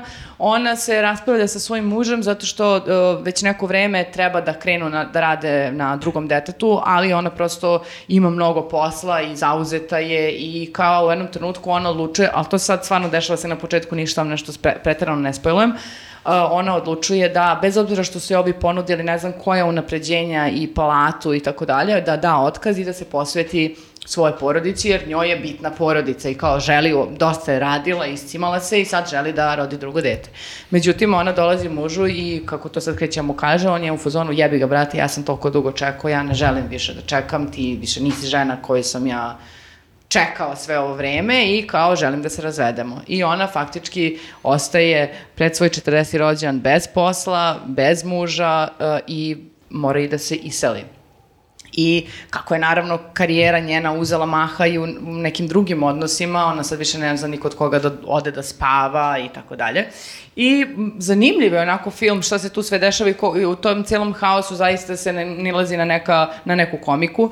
Čekaj, izvini, ko je počeo da masturbira? Mislim, ona, sad ću da dođem do toga. A čekaj, da, to se te pitam, naslov, 41.. naslov deluje kao neka komedija, ovo zvuči dosta ozbiljno, na film. Pa da, ali kao u tom celom haosu ti zapravo na, nailaziš na, na humor. I ona sad u jednom momentu u- upoznaje tu neku devojku u nekom baru, jer ona ne zna gde da ide s koferom, a, i kreće priča sa njom. Ona je neka kao predstavnica ove mlađe generacije. I sad ona njoj kaže, pa dobro, kad si posljednji put imala seks, pa ona kao sad pokušava da se seti, ali može da se seti. A kao, dobro ženo bre, kad si posljednji put masturbirala, ona kao, Pa, ne, ne, ne znam, ne znam. I, pa, znaš ti uopšte to da radiš? I sad ova mala Lijepo shvati... češanje stola. Da, da, Mala neprijatno. interpretacija. Neprijatno. Neprijatnost. Jeste. I u, uživala sam se u ulogu. I sad ova devojka vidi kod da je vrag odno šala i sad kreće njoj ona da objašnjava. I ništa ja rekao, pa dobro ja da čujem, rekao, čemu se tu radi. I sad ona kaže, znaš ti da postoji, ne znam, vaginalni, ja kažem, i ja sad... uh, Preslišava se. Ušla u ulogu, ja rekao, pa znam i ja, kaže, pa ovaj, uh, preko klitorisa, pa rekao, znam i to. I sad kao G-spot, rekao, pa čula sam, čula sam da se priča i o tome, neka tu nešto. I, uh, međutim, ova mala kreće sada nabraja razne neke tačke i ja ovako, Kao, šta? E, pa ti skandinavci, oni su bre miljama od nas. Čekaj Ja? da čujem sad za tako. Znači, postoji neka du- kod Danala, pa postoji još neka ovamo gore, pa, znači sad razne neke stvari, ja sam, mislim, ja se ljudi ne osjećam sad nekako, imam 32 godine, ne osjećam se sad ni nekako neuko, ali sam se ovde osetila kao da sam, ono, nikad u životu ništa videla, nisam ni probala, otprilike. Tako da je zanimljivo malo da se osvestimo i da se prispitamo i mi kao žene, šta mi uopšte znamo o našem telu. Pa dobro, kulturološki kod njih seks mnogo manje tabuiziran, stvarno, Tako nego je. kod nas kao, da ne kažem da oni baš idu malo i u ovaj, Jeste. ekstremnije varijante. Jeste, ali nemamo, znaš, nemamo, čak i ako se priča, o- to smo prošli put uh, kad smo pričali o idolu, znači to je toliko nekako banalizacija seksa i ženskog užitka do te mere da ti zapravo, ako možeš nešto da vidiš i da saznaš, ne, ne saznaš jer je samo banalno i, i malo onako... Znam, ja se malo i bojim šveđane. Ja prvi put kad sam otišla u Švedsku, taksista je imao baš dosta ovaj, uh, uh, dildo, ono, kao u vratima. U vratima. Pa- Baš pravih, ne slike, ne. Ne, ne. Pra- Šta, to je pa- Šta radi s pa, tim? Ne znam, brate. Ne znam, Čekaj, ja sećam da sam bila... Ako neko Bili smo šteri Mina, zatreba. Sova i ja, znači, išli smo sa neposlušnima, ja mislim, Gospode u Göteborg. Bože. I, I sećam se, i ne mogu da se setim ko je rekao, pa dobro, kao šveđani u fazonu, kao, kao to je kao normal, jao, kako se ovo jako čulo. Da. Nema ovaj, kao kako je to, mislim, to je kao normalizovano, ali ja ne znam šta je normalizovano u činjenici da kao taksista koji vozi stranke ima kao baš puno. Mislim, to nije ni sanitarno. Kod sebe ili pozadi? Kod... Brate, kod sebe je više, ali ja mislim da i kod Sove sa strane bio jedan pozadi. Čekaj, mislim, ali to nije čak ni kao, ima ih tu pa ako želiš da se poslužiš, opet to Ne nije znam. čisto. Ne, ne, pa nije čisto. Mislim, Ne, možda da menja, možda čovjek da menja kao- svaki- ne znam da svaki li mu je put. kao fora, kao što vi imate, ne znam, akvarijum. Vidiš, dobra ideja, mogli bismo Sledeći da pokačimo. To je možda se zove dildo Da, taksi. ne- neki o, sex shop postane prijatelj našeg popkasta i samo vise. Ili je neki od ovih, uh, jel, švedske, švedska produkcija neka možda snimala neki film u Pa. taksiju, pa ostalo. Pa šta se ovi, njemu nije, osladilo. ovi šta nije video šest komada. Pa nije, nego kao glupo Možda mu da nije bilo baci. šest, ali buraz bilo bi više od dva, znači, ono, razumeš. Ma čak i jedan da stoji u taksiju, zašto? jeste, jeste. Ko ono Možda- kučence što mrda ovako glavom, a ti zalepiš dildo koje ono... Kao kada ono zoveš taksi kao hoće ono ne za, za nepušače hoću da sa kli- klimatizovano voze, hoću sa tri dilda, evo, stiže. Može Nema da stiže vozač. Za tri minuta To je stiže. moj prvi kontakt sa Švedskom. Pa dobro, kao, aha. no, no shit. ono. Pa dobro, znači nemoj, mislim... Ja se nisam vozio taksijem u Stokholmu, tako da možda sam propustio takav detalj Pa neki. moguće. Mislim, ne znam, ne, ne, ako vam se ide u ekstreme, idite što mene briga, nego ja samo kažem da je to zanimljivo je da se pogleda i da se malo razmisli i istraži ako ste raspoloženi, jer... Za A, ali vidiš, zanimljivo da. kako se nadovezuje, Barbie se završava, on odlazi kod ginekologa i sad u tvom filmu se dalje otkriva žensko telo i Jeste. neke stvari koje nisi ni sam Pa, ali znala. ako je ovo, ako je ovo edukativnog karaktera, ja ću zaista pogledati Ne, čim uh, mislim. znaš o čemu se radi? Uh, možda ne toliko na nivou tih tačaka koje naravno ti da možeš da proguglaš pa pronađeš malo to, ali na nivou uh, koliko uh, se neke, kako ne, žene... Kada, Odrođenost od sopstvenog tela. Tako je. I e, taj moment u kojem ti zabo... Mislim, ima još jedna serija koja se baš bavi, e, ona je naučnica i e, premise da kao e, žene u 40. i kasnijim 40. 50. godinama koje imaju manjak seksa i generalno koje masturbiraju i tako dalje su e, podložnije ra, e, ono, kancerima, ne znam, jajnika, m, materice i tako dalje, dojki, jer kao su povezali te dve stvari, jer naravno što, je žena starija nekako u ovom društvu, ona je manje e, seksualna. Ja imam 36 godina, mislim, ti sad kad pišeš to 40, znaš to i dalje zvuči Pa kao... i meni je to, Samo mislim... nešto, nije. Nije, ali nije ni posle 40. Mislim, to je užasno lepo u, ovom filmu, da li ste videli ovu ženu, mislim, znaš kao, ne gubi se ženska seksualnost ni kad je ona Apsolutno, starija. A apsolutno. o, sve vreme nam je nekako to predstavljeno kao ili s nekim gađanjem ili se uopšte ne priča o tome. Apsolutno, to sam pričala sam o tome baš dosta kod Dive, Parađanin u Tampon zoni, ovaj, ima božanstven film čilenski, jedan koji se zove Gloria, koji se upravo bavi to temom ženske seksualnosti, uh, to predmenopauzu, odnosno u nekim tim kao kasnim srednjim. Da, da. godinama i ovaj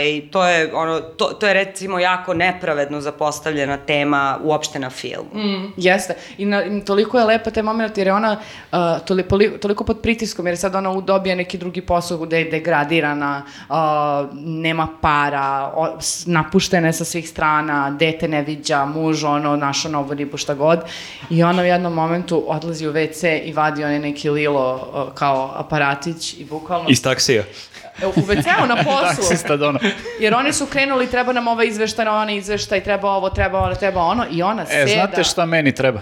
I ona, taj moment kad ona izlazi iz WC-a, bukvalno imaš osjećaj kao da je pet kila te skobe skinula sa svoje grudi u fazonu je, ma tražite bre sve, boli me uvo, znaš, ona samo se nekako otpustila žena, eto, otčepila što se kaže. Znaš kad, ne, ima to, to mi je omiljena scena, jedna od omiljenih scena kad u filmu Moj jutarnji smeh Ivano Vuković kaže Filipu Đuriću, znaš, ja sam ti zapečaćena i za uh, tako nešto... Za, zapečaćena i za, za, Za- nije zatvorena, nešto kaže. Zatvorena i zapečaćena, Ja, tako da, nešto. da. Je, e, to, to je to. I Kad Nije se... zakopčana. Nije, Nije, nešto, nešto da. tako, ali ovo je to, da se otkopčate, da se uh, otvorite i onda bude malo... Čekaj, iz ovog što si rekla zvuči da je dobar film i da, da ti se svidao film. Šta, Pa da, šta da. ne valja? Pa nisam nešto sad bila, možda mi je samo malo pažnja bila podeljena, e, nisam mogla da se fokusiram, e, ali mi se kao tema jako svidjela i zato sam odlučila da pričam o njemu, zato što mislim da je važno. mi da, bi ti se, da ti se više dopao nego što bi ti se Barbie dopao. Pa svakako ću gledati Barbie Da. pa ću vam reći u septembru šta mislim o tome. Stvarno, možda ja sam prosto loša publika. Evo vidjet ćemo, ono, baš me zanima kad ti budeš gledao. Ne, Nenad je ciljna grupa za barbeku. Ja 100%, Ono, da. 40-godišnji metalci Ne, su ne. ciljna grupa za... Meni to leži, ta tematika, ono baš... A prošle nedelje, pretprošle nedelje smo pričali o tome nešto je bilo tema, ja sam pitala, jel hoćete da budete glupi ili hoćete da uh, budete, nešto je bilo, ne znam koji kontekst smo pričali, pa ste vi rekli da biste bili glupi. Čekaj, glupi ili šta sad mene Ne znam, zanima? sad nemam pojma čemu Da, ne, ja pričaš. ne mogu da se Pričaš o toga. podcastu ili van po- podcasta na poslu si nas nešto pitala? E, ne, ne, ne, u, pod, u popkastu smo pričali o tome, znaće ljudi pa će da nam kažu. Da, neka napišu u komentaru. Da, li bi kao, da li bi radije birali da budu glupi ili Jeste, nešto? jer smo pričali o nekom filmu ili seriji i onda je isto bila Aha, dobro, premisa da. da, da budu glupi i iskorišćeni od strane žena ili da nešto drugo. Pazi, da izgledam kao Ryan Gosling sa onim mišićima, da, može. Jel da? Pa dobro. A- Čak i, čak, ali ako nemam Ako ništa... nemaš genitalije, to ne, je malo ne znam, problem. ajde daj mi još par minuta da razmislim. Koji su ti mišići Moram stvarno da bitni u razmotrim to, životu? da. Dobro, Nenade? Dobro, ovaj, ja ću pomenem kratko dva neka filma koje sam gledao, mislim pogledao sam uh, više filma u posljednje vreme, ali ta dva su onako iskočila, mislim iskočila, izdvojila se, što je ono kao ni, nisu uh, baš toliko dobri koliko je zapravo ponuda ono nekako traljava. Oba sam pogledao na Netflixu. uh, Ma pogled- jel moguće? Da, zamisli, nisam gledao na Sky Showtime-u ništa. Nenad već mesecima unazad isključivo i samo priča o filmovima i serijama koje je pogledao. E, ali u mi smo ovom, počeli da sumnjamo da ovom njega podcastu plaća. ću ja e, nastaviti, nado, ima E, da se pa nadovežem da. e, kad Sad budem pričao o serijama, da. Pa ne znam, ljudi, i ja mogu da imam nalog ako hoćete da platite da gledam i ja, mislim, šta mi Ili možeš ti ja platiš 2,90 mesečno Da, da, da imaš nalog. Ajde, i? E, da, e, znate za film Bird Box koji je izašao 2018. sa Sandrom Bullock. Dobro. E, to je znači taj prvi film koji je tad izašao i ovaj, jedno vreme, mislim kako je krenulo, bilo je onako, pre, postoje kao neki mim e, i zezanje neko je pravljeno od tog filma, ali Pa zapravo... Ima vezane oči, ono, u Da, da, da, sceni, zapravo ti kad pogledaš film, ono, ok, posle, čak i, čini mi se da je kasnije dobio kao tu, taj kredit koji je trebalo da dobije odmah, da je u principu nije toliko loš film koliko je kao prozivan. Ovaj, sad su snimili uh, Bird Box Barcelona, špansku verziju. I to je... A katalonsku uh, verziju. Znaš kao, američka je prošla možda loše, ali zato će španci O- da pokidaju. Ali zapravo jesu pokidali. Kako sam iznervirao? se iznervirao. ne, znao sam kuda ide s ovim, tako da sam se spremio. Ovaj, a, ne, španska verzija, mislim nije verzija, ne znam kako to da nazovem, prati on otprilike tu neku priču koja je, koja je prisutna i u ovom prvom filmu, ali s- je to negdje i na dogradnji zapravo ono što su oni rekli kao šta se dešava u Španiji u isto vreme kad se dešava u Americi, Aha, tako je okej. postavljena priča.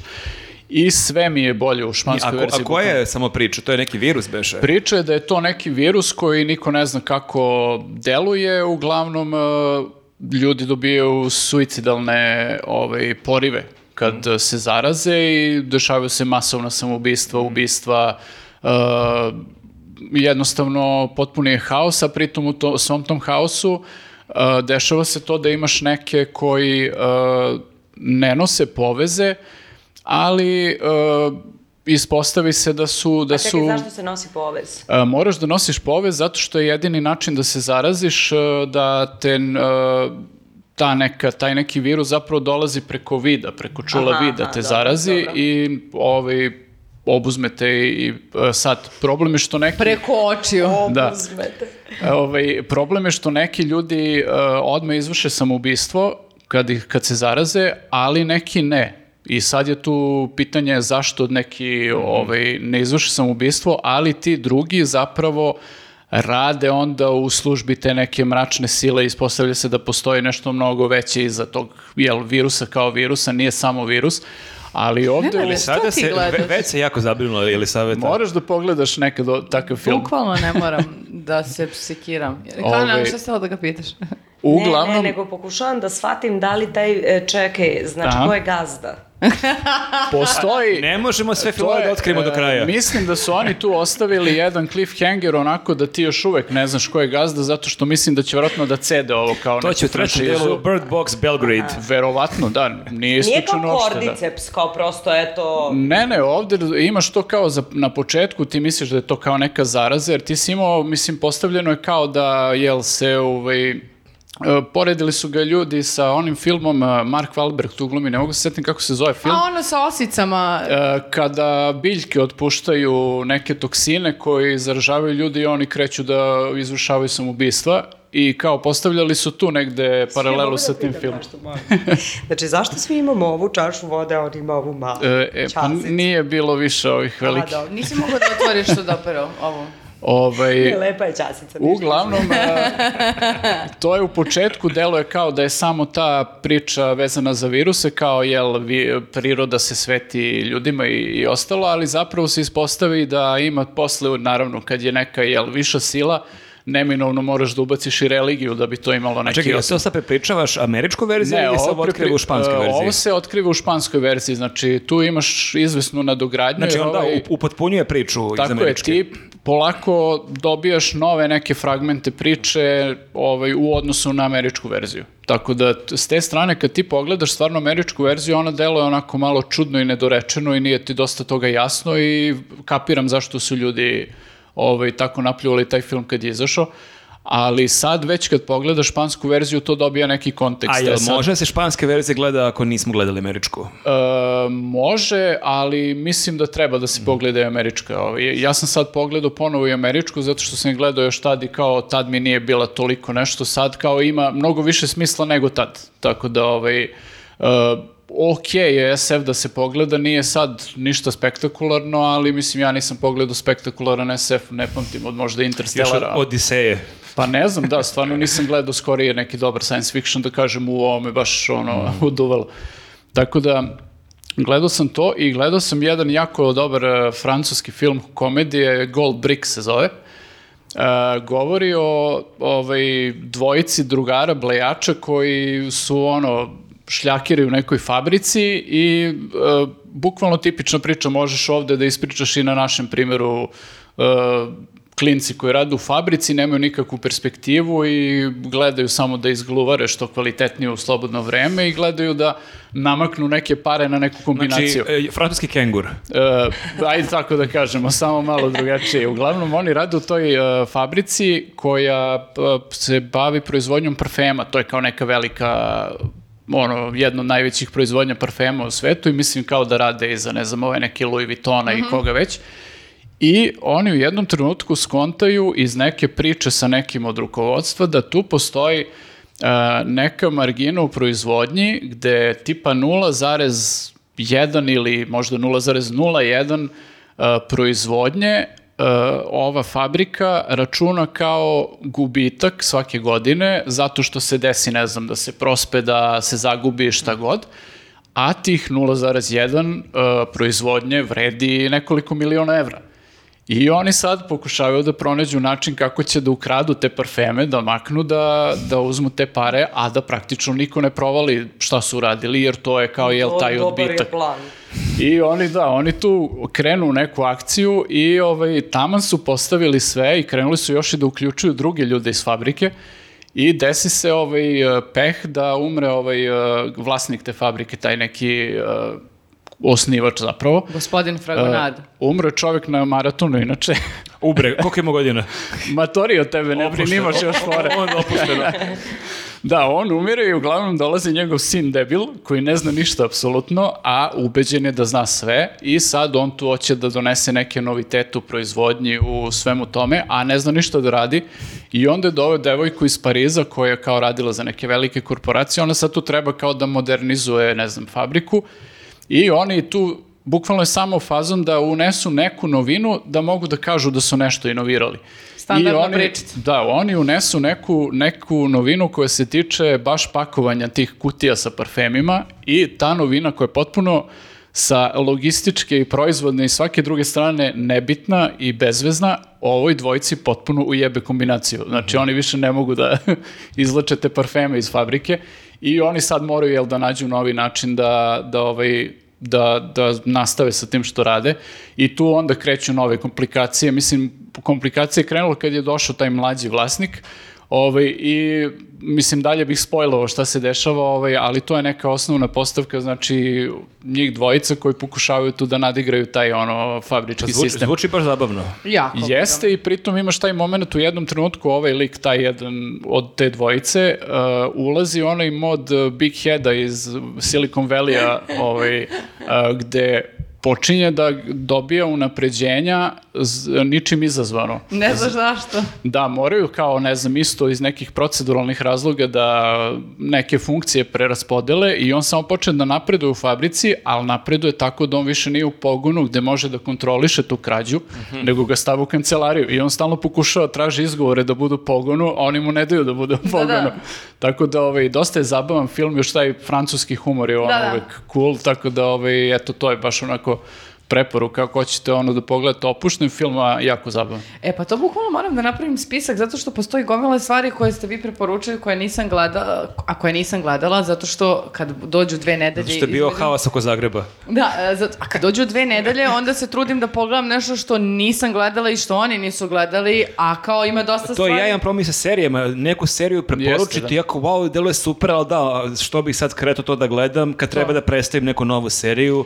Gledaj Tar. E, Mislim, hteo Tar. sam da pitam, da, hoćeš da kažeš nešto o tom filmu. Ja sam Pa to ne- da gledam, to je na festu beše bilo Da, ove i godine. pa ja sam ga, eto, ne znam kako sam ga propustila, baš je nekako, ono, kliznuo mi ovaj, to i sad sam ga uhvatila, zapravo je to bilo otvaranje te letnje scene, ako se ne varam, o, Jugoslovenske kinoteke i film je stvarno fantastičan. Mislim, koliko sam ja posle istražila, to je tom mm, čoveku mladom, mislim da je mlad neki lik, debitanski film, ovaj, I, ok, u nekim segmentima bih mogla da kažem da se možda vidi da je debitanski film, jer je ono baš ono mm, udovoljio nekim svojim perspektivama koje su mu bile važne, koje možda nisu bile prenužne za okosnicu cele priče, ali Kate Blanchett je stvarno veličanstvena i baš sam malo pre kad si ti rekao kao kako ne može Kiljana Murphy da zaobiđe Oscar, viš nju je zaobišao za ovo. Što bila je bila je nominovana, da. Ko je beše dobio te godine? Pa onaj film koji me ne mogu da kažem ime Pariba iz tog filma, Everything, Everywhere. Aha, okej. A, da, da, A tu su da. dobili i za glavni i za sporene uloge. Jeste, su da, dobili, tu su sve pokupili. Da. Ona je uzela, a ovaj, e, tako da je Kate tu kao izvisila i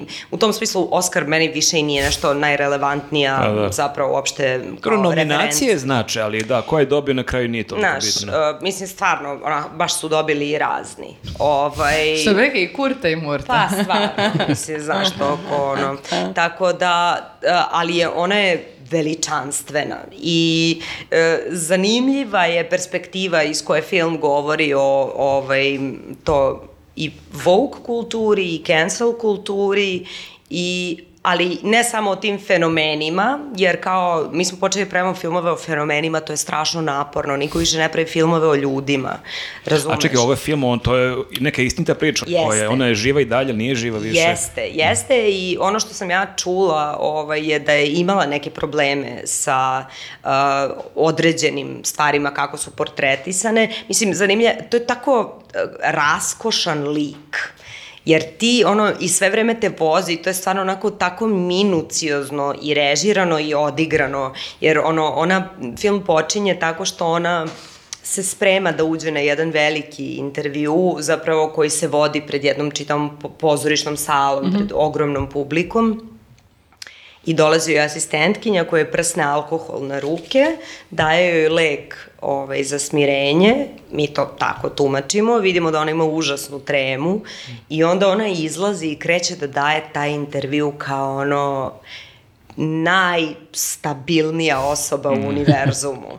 I ovaj um, i stvarno je ona je igra ono fantastično, mislim um, pritom ceo taj problem koji će se kasnije ispostaviti to kao uh, um, neke vrste zloupotrebe svog položaja kao profesora i tako dalje. Sve je to vrlo, jako je, mislim, jako je edgy i jako je zanimljivo i jako nije pamfletski film i zaista nije film koji se to bavi samo nekim fenomenom koji je sad ne, neophodno da svi A po obrađuju. čemu je ona specifična? Mislim, o, o čemu je film? Znači, u njenom životu, ali šta je u njenom životu toliko specifično?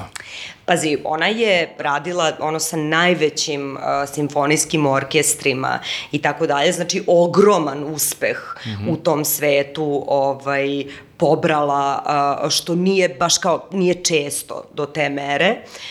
I to ona upravo na početku i govori u tom intervju kao o poziciji žene u tom svetu i tako dalje, ali govori potpuno iz jedne perspektive nekoga ko u velikoj meri negira pitanje uopšte problematične pozicije žene mm -hmm.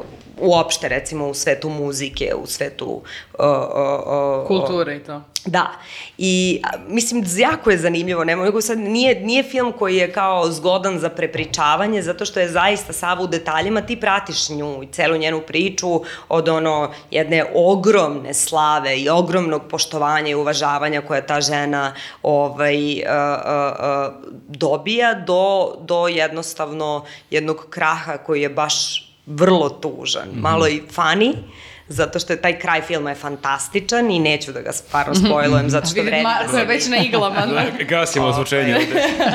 vredi da se vidi, zaista je ono, tako da ti zapravo iz njene perspektive pratiš celu jednu priču uh, uh, o, o tome tu se pojavljuje, mislim, tu se pojavljuje zapravo cela kao to uh, ideja o tome da ona zloupotrebljava svoj profesorski položaj i naročito kad su u pitanju eto to kao mlade devojke, mm -hmm. mlade darovite ovaj, devojke uh, i pojavi se tu priča o toj jednoj devojci koja neprestano pokušava da stupi kontakt uh, sa njom i na kraju izvrši samoubistvo. Mm -hmm. ovaj, i, ali zaista ništa nije, ništa u tom filmu nije docirano i ništa nije crno-belo i ništa nije ostavljeno tako da kao evo mi sad želimo da vam kažemo ovo naša mm. publiko, nego je ono, baš te vozi i baš imaš prava da tretiraš kako god ti osjećaš da treba. Mm. Dobro, a, sada da pređemo na serije. A, Hana, a, da li imaš Kako, ne... kao profesor, kao pitamo tebe sada. Ne, da li želiš da krenemo spremila? od tebe ili hoćeš da krenemo nekim drugim redom? Kako ti je? Potpuno mi je sve jedno. Mislim, sve tri serije koje bih ja rekla ovaj, da su mi tako u top 3 mm -hmm. onoga što bih odmah navjela ste verovatno obrađivali mm -hmm. zato što nisu baš nove. To je ono Succession, White mm -hmm. Lotus i, i The Bear. Mm -hmm. ovaj, Volimo ih sve tri, neki vole sve tri, neke, neki smo pogledali, Ja neke volim nismo. sve tri, da, da. A, pa dobro, hoćeš da počneš, pošto imaš tri serije, hoćeš da, od koje bi krenula? Ne, ne, hoću da počnemo od toga koju ne voliš. Ne, ne, ja volim, ne, ne, volim sve tri. Ne, nismo pogledali neke, pa zbog toga. A uh, koje niste gledali? Ja nisam gledala uh, The Bear, zato što je gledao Marko, pa sam logikom gledaću na letnjem raspustu. Jeste uh, isto i ja.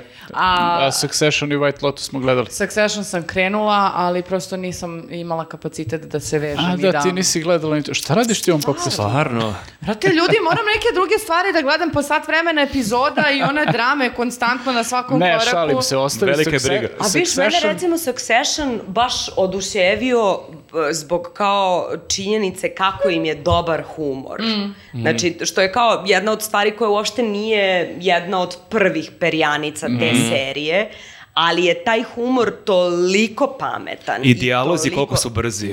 Ma daj, mislim, ono je, mislim, ono je, meni je ono master class pisanja. Mm. Ono, kao što je svojevremeno zapravo Breaking Bad bio stvarno masterpiece scenaristički, i dalje je. Potpuno se slažem. Znači, nisi mogla kažeš Isto, da. ono što sam više želeo da čujem. Ovo je muzika za njegove uši. Da, I da. da, ne, ne, to je Breaking Bad je bukvalno ono remek delo pisanja. Ono ta serija ima mnogo i drugih kvaliteta koji su apsolutno ogromni, ali to kako je to napisano, to je nešto što ne, nećemo moći lako da sustignemo ovaj na raznim. Što Hana nije svaki put u našem popkastu?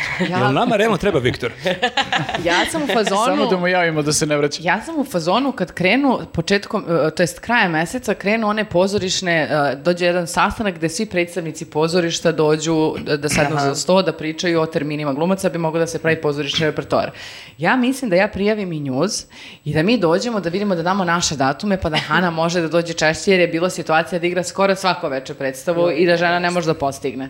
Pa da i Jeste. onda i mi nekako kandidujemo Se naš, u raspored naš terminčić, pa da dođeš češće, mnogo lepo. Dođi. Ne, ne, super, super ti ukus. A reci mi, uh, The Bear, jel si počeo gledaš i drugu sezonu? Ne, tek sam, tek sam na prvoj. A- a nisi završila? Nisam, ne, ne, ne, ja sam recimo na petoj uh, E, epizodi. onda bi baš da te pitam, pošto ja sam baš pre možda dva popkasta pričao o tome, meni je, moram da ti priznam, tek posljednje dve epizode, sedma i osma, su mi negde dale odgovor na to pitanje što su svi na tu seriju odlepili. Meni prve tri, četiri epizode su bile nekako nedorečene, nekako kao ima nešto, kao da niko da se uhvati za nešto konkretnije. Jel ti nemaš taj utisak? Nemam. Ja, ja imam utisak, ja sam samo imala utisak kad je krenula ta serija, bože, koliko sam anksiozna i šta, šta da gledam, gde da gledam i onda Koliko me... njemu teško zapravo. Da, ono, užasno mi je indukovala kao neku, ne, neku vrstu anksioznosti i onda sam bila u fazonu, prvo, cast je maestralan, znači nema jednog lošeg mesta na cast listi, stvarno su genijalni svi.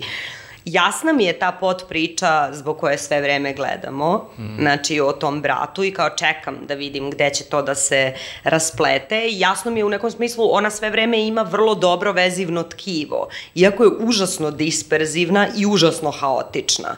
Tako da kapiram to, ali se meni to na neki čudan način dopalo. Jer kao i ta kuhinja koju zatičemo je malo u tom vajbu. I onda mi se čini da nekako... haotično. Da. Pa ne, ali kao, kao da pratimo prvih par epizoda problem za problemom koji se dešava u tom trenutku, Pa to njima dobro, dođe inspekcija, da, ne da, znam, pukne da. cevi, kao okej, ali dalje mi je nekako falilo nešto više. Ja sam, morate priznam da sam ja batalio prva dva puta nakon prve epizode, kao ne radi me i onda sam toliko hvalospeva video da sam bio u fazonu daj očigledno, ja nešto ne vidim u ovoj seriji, da, kad sam pogledao celu sezonu, pogotovo to sedma i osma Mhm. epizoda, shvatio sam zašto ta serija je toliko dobra, ali kad sam bio na toj nekoj epizodi na kojoj si ti, dalje sam bio onako podeljenih uh, nasjećanja. Meni se strašno dopadaju pod ja mislim da je u, u smislu forme i na ono načina na koje je ona snimana i kao to kako ona vizuelno izgleda, kako oni igraju i sve, mislim ona je mm, ona je fantastična. I meni je užasno drago kada počnem da gledam neku seriju koja ne, nema ništa što je neka primesa nečeg megalomanskog i spektakularnog, nego tako jedna tako, serija. Ono, za, mislim, kao ono, kao Fleabag, ono, ka, kako te uradi, razumeš? Ono, Joj, da, Znaš, Fleabag. Mislim, jer kao, ono, šta je tu sad, ono, ništa, Da. da. brate, to su neki ljudi, mislim, mi nekako nikako to da napravimo. Zaista, jutro će promeniti sve je bilo nešto najbliže tome što se pojavilo u našoj kulturi, u tom smislu. Mi nikako da napravimo samo te neke ljude koji nešto tako svaki Nešto dan obično rade. imaju. A da, pa zato što da. tome ima toliko života s kojim ti možeš da se relatuješ, mislim, i što, koji možda bude jako uzbudljiv. Pa da, Jer se samo znaš. Traže neke velike teme, neki veliki da, problemi. Ili konteksti. Ovo je, brate, ono, lik je bio, mislim, smešno je da je polazišna pre, premisa uopšte da je lik bio jedan od najvećih fine dine šefova na svetu, najuspešnijih i došao je, vratio se u Chicago, uh, Burazir mu se ubio i on preuzima njegovu smrdljivu sendvičaru, ono, razumeš, Mhm. koja je, ono, haos je na sve strane, znači kao nema gde ne postoji problem. A najveći haos što je ekipa koja tu zatiče, onako, Da. dosta, dosta Tvrda. haotično, da, da, da, neće I to da... po- uspostavlja neki sistem u tome.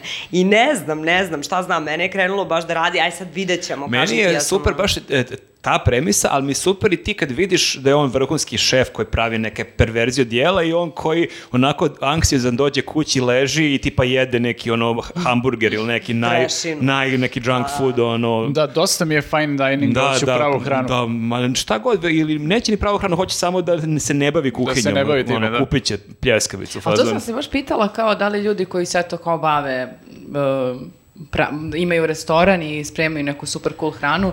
Ka- da li se tako dobro hrane? Pa sumnjam da kući radi ono.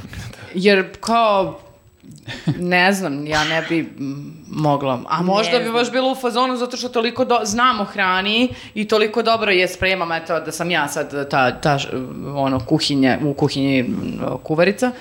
Da bi onda tako spremala i sebi brzinski nešto jer bi A znala. vrati se nekad i prijede parče pice i kao što ne, ne Pa kupiš dobro, to parče je pice. totalno okej. Ja Da. mislim da oni kao ne isključuju nužno Mm. ovaj, kao fast food, nego kao se više, eh, više adresiraju to kao kvalitet zapravo Mm. samih namirnica i tako dalje. Ono, mada taj fine dine pravi, kao Mhm. onaj sa onim Malim. porcijicama. Mhm. I isprskanim tanjerom. Znaš šta, to nema otkopčavanja kajuša kad jedeš tamo, ono moraš posle da Dobro, pazi, možda oni, mislim nije možda, nego sigurno znaju i da naprave uh, brzo dobar obrok koji možda i nije fine dining, ali je zdravi i kvalitetan, tako da Ja sam samo to, u to su fazonu- vjerojatno prednosti tog posla. Ja sam Sigurno. samo u fazonu ako je fine dining, samo da bude dosta toga, u smislu nek bude... Dosta fine dining. Ne, bude- dosta tih tanjira sa malim ovim kao uh, đevolčićima, ali prosto kad se natrpa toga jedno To se deseta, zove- ti budeš u fazonu, pa sad sam fino, boga mi. Ja sam skoro bila u dva restorana. To se zove ovaj, course. Baš dobra. Course. Da, course.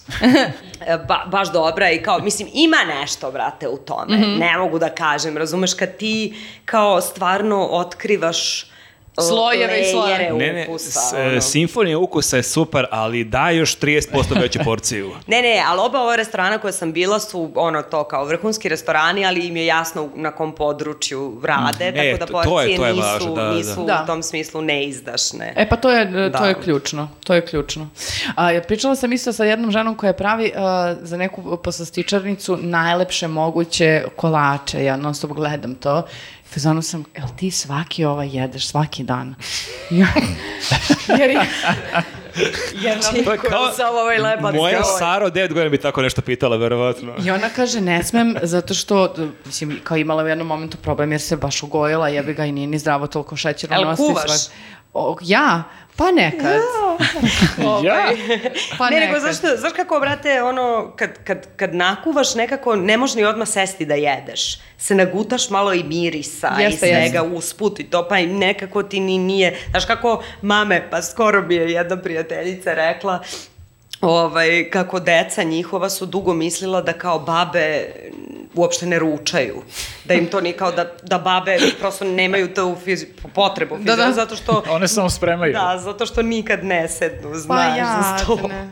Ali dobro, zato što ti usput i probaš i ona kaže isto moram da Pa probam. malo da, probaš, jest. malo ovo, malo To je ono, kao neko peče jedno roštilj, ono, pojede u hodu šest ćevapa dok I ih da, obrće. Da, ne Jeste, mora i da- onda budeš cool. Tako da, ja inače imam jedan e, sistem, a to je, ja sebe do te mere izgladnim, jer e, to što moja majka kaže, to ti je za pola sata gotov ručak, kod mene je sat i po jebi ga, ne znam I kod kako. mene isto. I onda dok ja odem na pijacu, usput svatim do tezge, popijem kaficu, greota kad sam već tu da to ne uradim, pa dok sam došla kući, pa dok sam sve to spremila, To moj ručak je popodne. u pet popodne i ja sam ono... A da ne kažem da je skuplje nego da jedeš negde, da Apsolutno neko ako si sama. Jest. Znači, mi, nas lupaju kao za porez za, za samice, ono. I ne samo za hranu, nego i za smeštaj kad putuješ. Znači, Što mene, pa ko, ko da sam ja gazda hotela. ono. ne, nego samo da Neko da kažem. si ti Ne, samica. ne izdajem ništa, ono. Ne, nego sad Nema da kažem, na moru. da to je stvarno treba da istaći da nije fair, jebi ga, zato što ako ja sama putujem, to nije sad porez na luksuz, ja još da dobijem druže što sam sama i odlučila se da sama putujem, a soba du- za dvoje, dve osobe. Ali što, sve. nema jednokrevetnu sobu? Ja se To je pitam, je ja njegov nema, problem. ja nije, meni nije zahtev da spavam ono king size bed. Ne, brate, daj mi malo krevetić, ali mi naplati po ceni za jednog A ti čoveka. treba gledaš onda neke Airbnb-eve, neke garsonjere i onda tu odeš tamo. Kako da ne, Airbnb je poznat po garsonjericama koje su jeftine, to... A zavisi, Jezivo da. je sve sve je skupo, da.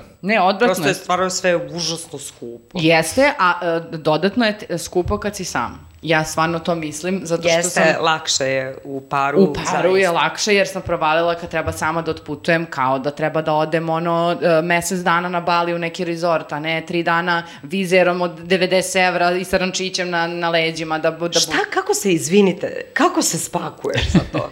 Pa, on čekaj, pa natrpa kao- se, natrpa se baš. Buros nema Sabije se dobro. I malo više stvari na sebi. Čekaj, čekaj, čekaj, ali nije isto da li ideš tri dana, četiri dana u decembru ili u julu. Nije, naravno da nije isto, ali mislim Ja svejedno, išao- ali svejedno mislim imamo, znaš, kao kozmetiku. E, dobro, to, to, to, je, to je već možda vaša priča. Ja- To ona torbica da ti stoji ovako, ona mala. Ali tu- to možeš gore. To naguram to sve i rančić. I A moraš da sipaš onda u one male. To, Meni je točno. dilema, Jeste, to, si, 100 to ti radiš, pošto ja kad nekad to idem na tri dana negde na maraton, uvijek imam te problem, kako to platim samo ono ručni prtljak, e, da kako nosim 46-7 patike, zauzmem i pola ranca, jel možeš ti da vežeš patike da ti vise, ono, to si tamo ti A beš. se sećaš da sam da su mi vis... jel prođeš? Pa ja sam prošla. Na šarm ili e, realno? Da li ja treba da šarmiram ili Ja ću samo proći? idem, ja samo idem i uh, ono, cepam. Nije mi bilo Pravim sve se da sam ispravna. Ali ja nisam, znači ja čak nisam nosila ni kao regularnu stvar koja sam imala one džombetine koje su vise, one Znam da udaraju, je, brate, Bilo je po još ko jedan ranac, nego sam sad vidio u avionu lika tako isto nosi patike i rekao, he, pa ovo, ako ovo prolazi, ovo treba ja da praktikujem. fora, Da. Pa, Ja pazi, nemam drugu da opciju. probaš. Ti nemaš drugu opciju, razumeš? Ne, ne postoji. Jer ako Pa druga da... opcija je da ubaciš ono, ali to je baš problem, jer moje patike zaista zauzmu onu trećinu Pa i ranca. moje bi. A, Ali imaš neki fetiš na patike ili... Ne, nego idem da trčim maraton i onda treba da imam Aha, patike za trčanje. aha, Mislim, aha. hipotetički bih mogu njima i da šetam dva dana, ali kao ajde nešto. pa da treba. realno ne mora. Dobro, da pređemo... Mala digresija. Mala digresija, da se vratimo serije, o, hoćeš ti neku? A mogu, mogu. Ja sam gledao jednu e, dosta zanimljivu mađarsku seriju. Dobro. Dobre. Tako je, bre. Što I- se smaraš ovo? Ne, ne, zbog čega? Zato što me ceo imamo- život imamo pred- proziva. Čuj, ceo život znamo se par godina. E, imamo pred istoriju. Pa dobro, ja tko to mi je ko ceo život e, u tom slučaju. Znači, svaki put kad tako kažem nešto, on je u fazonu. Znaš kao, ja, ja Ne, intelektualka, smešno je bilo, a to je još serem. pre podcasta što je ona došla onako sva ushićena, a nešto mi bili polusmoreni i onda je rekla kako sam gledala libanski film i to je meni smešno zazvučalo i to sam ja njako nju interno zezao danima iako ja volim da pogledam neki takav film. posle se sprda sa filmovima o virusima. E, d- da, zato što ne znam zašto bi gledala ljude koji idu sa pe povezom preko oči i beže od nekog vetra. Vidjet ćeš kad izađe neki libanski film o virusima. Okej. Ali festival autorskog filma da bude, molim te. E, Ja ništa u- bez toga. U svakom slučaju, mađarska serija na Sky Show Time-u zove se Doušnik. Dobro. Uh, E, to sam vidio, izlazilo mi, ovaj, reklamirali su ga i delo mi zanimljivo, ona, onaj opis i nikako da Ej, kliknem. zanimljiva je serija, mene je malo podsjetila na jednu jako dobru nemačku seriju koju sam gledao pre desetak godina, Deutschland 83, ne znam da li je neko od vas to gledao. Ja ne. Znam je šta je. E, otprilike opisao tu neku epohu, ova se serija dešava u Mađarskoj 85. godine i bavi se hladnim ratom i životu u komunizmu, ali opet e, i ima vezi sa špijunima, ali ne u smislu da je sad to neki špijunski thriller, da su to neke jurcanja, ubijanja i slično, nego je ovako jedna drama, vrlo zanimljivo postavljena, a, zaplet je takav da jedan a, momak Brucaš upisuje ekonomiju, on je iz nekog malog mesta i on ima mlađeg brata koji ima neku tešku bolest, ne znam tačno ni koju, uglavnom on mora da dobije neki lek za tu bolest kog nema u Mađarskoj, nego oni to uvoze, ali jako mali kontingent iz tipa Austrije. I uvek je frka da li će, da li će taj lek dobiti, a brat će umreti ako taj lek ne bude imao. I njega vrbuje neka njihova državna be- bezbednost i kažu kako uh, oni mogu da uh, za njegovog brata nabavljaju taj lek, ali samo pod uslovom da on bude njihov doušnik, da on tamo u kampusu da se zbliži sa tim nekim studentima koji su ono uh, reakcionari, koji, koji tu rovare po socijalističkom uređenju, koji se, se zalažu za neke zapadne vrednosti, da se On priča kao da prepričava neki svoj događaj, jel Da, da, da. Evo, da krenem na, mađarskom da pričam još, znaš. Ne, ali Ta- lepo se uživi, jes. E, pa ja volim te priče, nekako baš mi je jako bilo zanimljivo u startu, super mi postavka i on treba da se tamo zbliži sa tim nekim Savom koji je tu neki ono njihov ono mladi Che Guevara koji je onako super lik, onako je i vizualno, onako ima dugu kosu, onako neki šmeker, rocker, onako on je tu jako popularan, jako harizmatičan i on treba da ono kako god zna i ume da se zbliži s njim i da njima dojavljuje o tome šta se dešava, koje su Da mu svidi. Ja sam očekivala taj pravac isto. Tako si ne počeo. svidi mu se, Ne, ja vidim drugi problem, možda ovaj nije dovoljno cool da se zbliži sa Savom. On je onako baš ruralni lik, onako, da, Pa, da, da. ruralni lik i njega gleda kao malo tu kao seljača, oni su tu već neka tu ekipa, neki tu mangupi, neki bivši futbaler, ovi tu neki šmeker, tu su neke lepe devojke kod njih, oni imaju tu neku super ekipu vrlo zatvorenog tipa i on se to pokušava da se infiltrira i vrlo brzo uspeva da se nekako tu infiltrira i dalje sad da ne spolim šta se dalje dešava, u svakom slučaju jako je jedna ovako zanimljiva serija, mislim sad nije, nije sad ne znam kakvo remek delo, znači nije, nije ono mađarski Succession u svakom slučaju, ali e,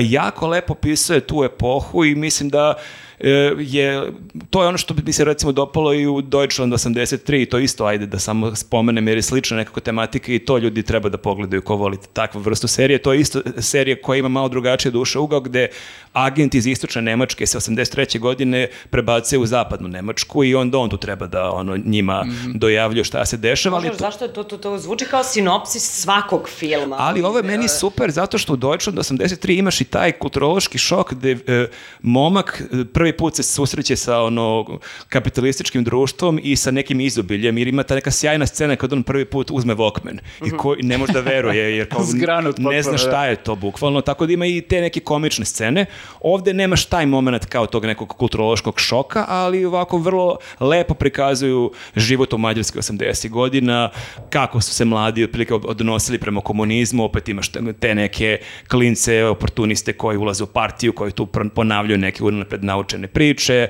ovde ove druge koji žele da se društvo promeni i šta se tu dalje već njima dešava opet kako se i policija i državna bezbednost ophode i kakvi su i oni ljudi, opet imaš i taj čest slučaj da ti zapravo vidiš neke koji su tu na prvi pogled potpuno ne- negativci, a onda vidiš i njihovu priču da su i oni neki napaćeni ljudi koji to ono žive nekim dosta bednim životom koji opet kroz tu neku represiju vide neku mogućnost da oni dobiju neke sitne benefite tipa da ovaj dobije malo veći stan ili neku stipendiju za dete ili tako neke gomilu nekih takvih gluposti i šta su sve ljudi bili u stanju da rade. Za to, da. I e, dobra serija, e, vrlo je ovako zanimljiva i zabavna, ali dosta provlači to pitanje e, etike i o tome šta je čovek spreman da uradi za članove svoje porodice. I to ako si ti doušnik, ako ti cinkariš svoje prijatelje, ti si u startu negativac, ali opet ako ti Slično ove neka dilema kao i u Oppenheimeru, kao ti radiš nešto što je loše, ali to radiš zbog nekog drugog cilja Postoji neki razlog, da. postoji neki razlog, ako će tvoj brat umreti ako ti to ne uradiš, da li bi bilo ko od nas bio protiv toga ili za to i kako bi se bilo ko postavio u toj poziciji. Pa dobro, Tako da, to i nije priča, mislim, Breaking Bada na neki način. Pa- I, i, te- I ti tamo isto si u fazonu od kad kreće da kao zlo bude samodovoljno Mm. Da, da. i da se u njemu uživa, do kad je to Jeste, imalo... u početku je bila ova Da. dilema, ali Jeste, kasnije se to... lako navučeš, da, Jeste, da. da, odeš u, previše u sve to. Meni ono kad na kraju kaže it's not about money business, it's about empire business, kao kako je tu ono potpuno čovjek poludeo. Da, ovde nemaš, nemaš taj nivo baš transformacije, ali opet nekako u startu ti kao gledalac navijaš za tog lika, jako je on doušnik, jako on cinkari neki jako simpatični cool ljude, ali opet ga negde razumeš. Tako da nije lako. Nije, da, da je lako. Znači, ne da nije lako, ne znaš ni sam šta treba da se desi dalje. I- Ne, slu... Ja, izvini, slušam te zato što e, uživam jer znam koliko voliš te tematike i bukvalno koliko su te nagazile sve stvari koje su ono tebi Neke poslastice. rekonstrukcije epoha, još ako je hladni rat, ako je neka špionaža, sad za moj ukus bi tu bilo više malo i akcije, malo više cije Da se KGB-a. doda malo, da, To, ovaj- to još više volim u serijama. da se doda. Malo još tog nekog, ono, tog nekog momenta, ali i ovo je sasvim dovoljno. Jo, pa drago mi je. Uh, ja sam se uh, prethodne dve nedelje vratila na seriju koja je nužno zlo, jednostavno, ne znam kako drugačije da objasnim. To je, ja sam odabrala da se nerviram. Uh, u pitanju je Seksi grad. Ovo je uvodni deo skoro svake druge serije ili filma koji Čekaj, ti jel si se vratila na stari seksi grad ili da gledaš ovaj novi? Novi, novi, novi. Ja sam malo gledao, nažalost. Jel da? Znači, ako je prva sezona bila šokantna i nekako te uvlačila zbog cele situacije koja se dešava, dakle, zverka uh, dobije srčani udar i umire. Stvarno sve Fuck. je umro. Pa Hana, pre dve godine čovek. Ja nisam pratila, ja sam gledala samo onaj film kad one idu negde u... u, U Abu Dhabi. Da. Čekaj, kako pa... Pa ne Bukvalno svi pa su ne to brujali o tome da je čovek umro. Pa čekaj, ja sam Ma, još na onoj epizodi kad je ona sa Aidonom u vezi. E, pa samo da vam kažem nešto. Meni je stvarno žao. Posle dve godine, ako ste sam vas Ne, spojlovala, ovo, je, jebi ga. ovo je opravdan spoiler. Nema veze, E, mislim, samo ovde nisam- sada... Znači ništa, na, nastavlja se serija... Ali čekaj, on je u braku bio s njom kad je... Jeste, pa u, Da, o- sve. udala se za njega, bre, oprostila mu je sve što je ostavio. To sve i on je I umro. cap. I oni su živeli jedan fantastičan život, mi ih zatičemo odmah nakon korone, kako su razvili sad To različite... želim da mi prepričava. Da, da, da. A, Elem, znači ona je sada e, godinu dana, jel te, pro, prošla nakon e, smrti. Ona je tu u nekoj šemici sa likom koji je producent podcasta, ona je sad podcasterka. I... Čekaj, čemu pričaš? A bravo. O Carrie Bradshaw. Podcasterka je sad. Je, pa to je, Koleginica. o, ja se iznerviram čim pomislim na to. Znači, oni tako na silu sve pokušavaju da uzmu aktuelno i da ubace u tu seriju, sada je to prosto nevero, iritantno je samo.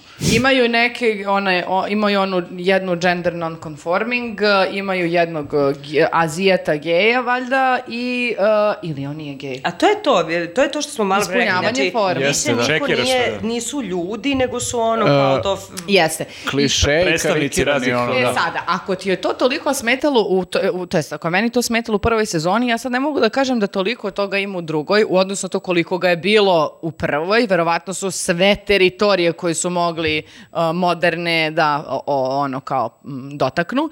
Ovde sad ti njih zatičeš kako oni sad žive taj neki e, život. I uh, samo je nekako banalno i dosadno. Znači, uh, uh, ona je Niko sad... kraj, to je to. Ne, ne, znači, evo ovako. Šta više reći Ja sam- Ali se rasplače dok priča koliko je dosadno. Ja sam gledala pe, možda pet epizoda. Ono što sam zapamtila jeste da je Carrie u vezi sa tim producentom, ali da je odgovara samo četvrtkom da se viđaju i da ona ne želi Znači, nešto više. podcasteri su ono frajeri u Americi zvezde. Evo, pro, misliš producent podcasta, da. A, I ona prosto je sada, što bi rekla Ognjenka, iz onog anksioznog vezivača u odnosu, ona je sada onaj izbegavajući. Ona sada ne želi da uđe u neke smislene, smislenije, dublje odnose, nego njoj samo odgovara da se malo to i četvrtkom i doviđenja. Uvek me je nervirala.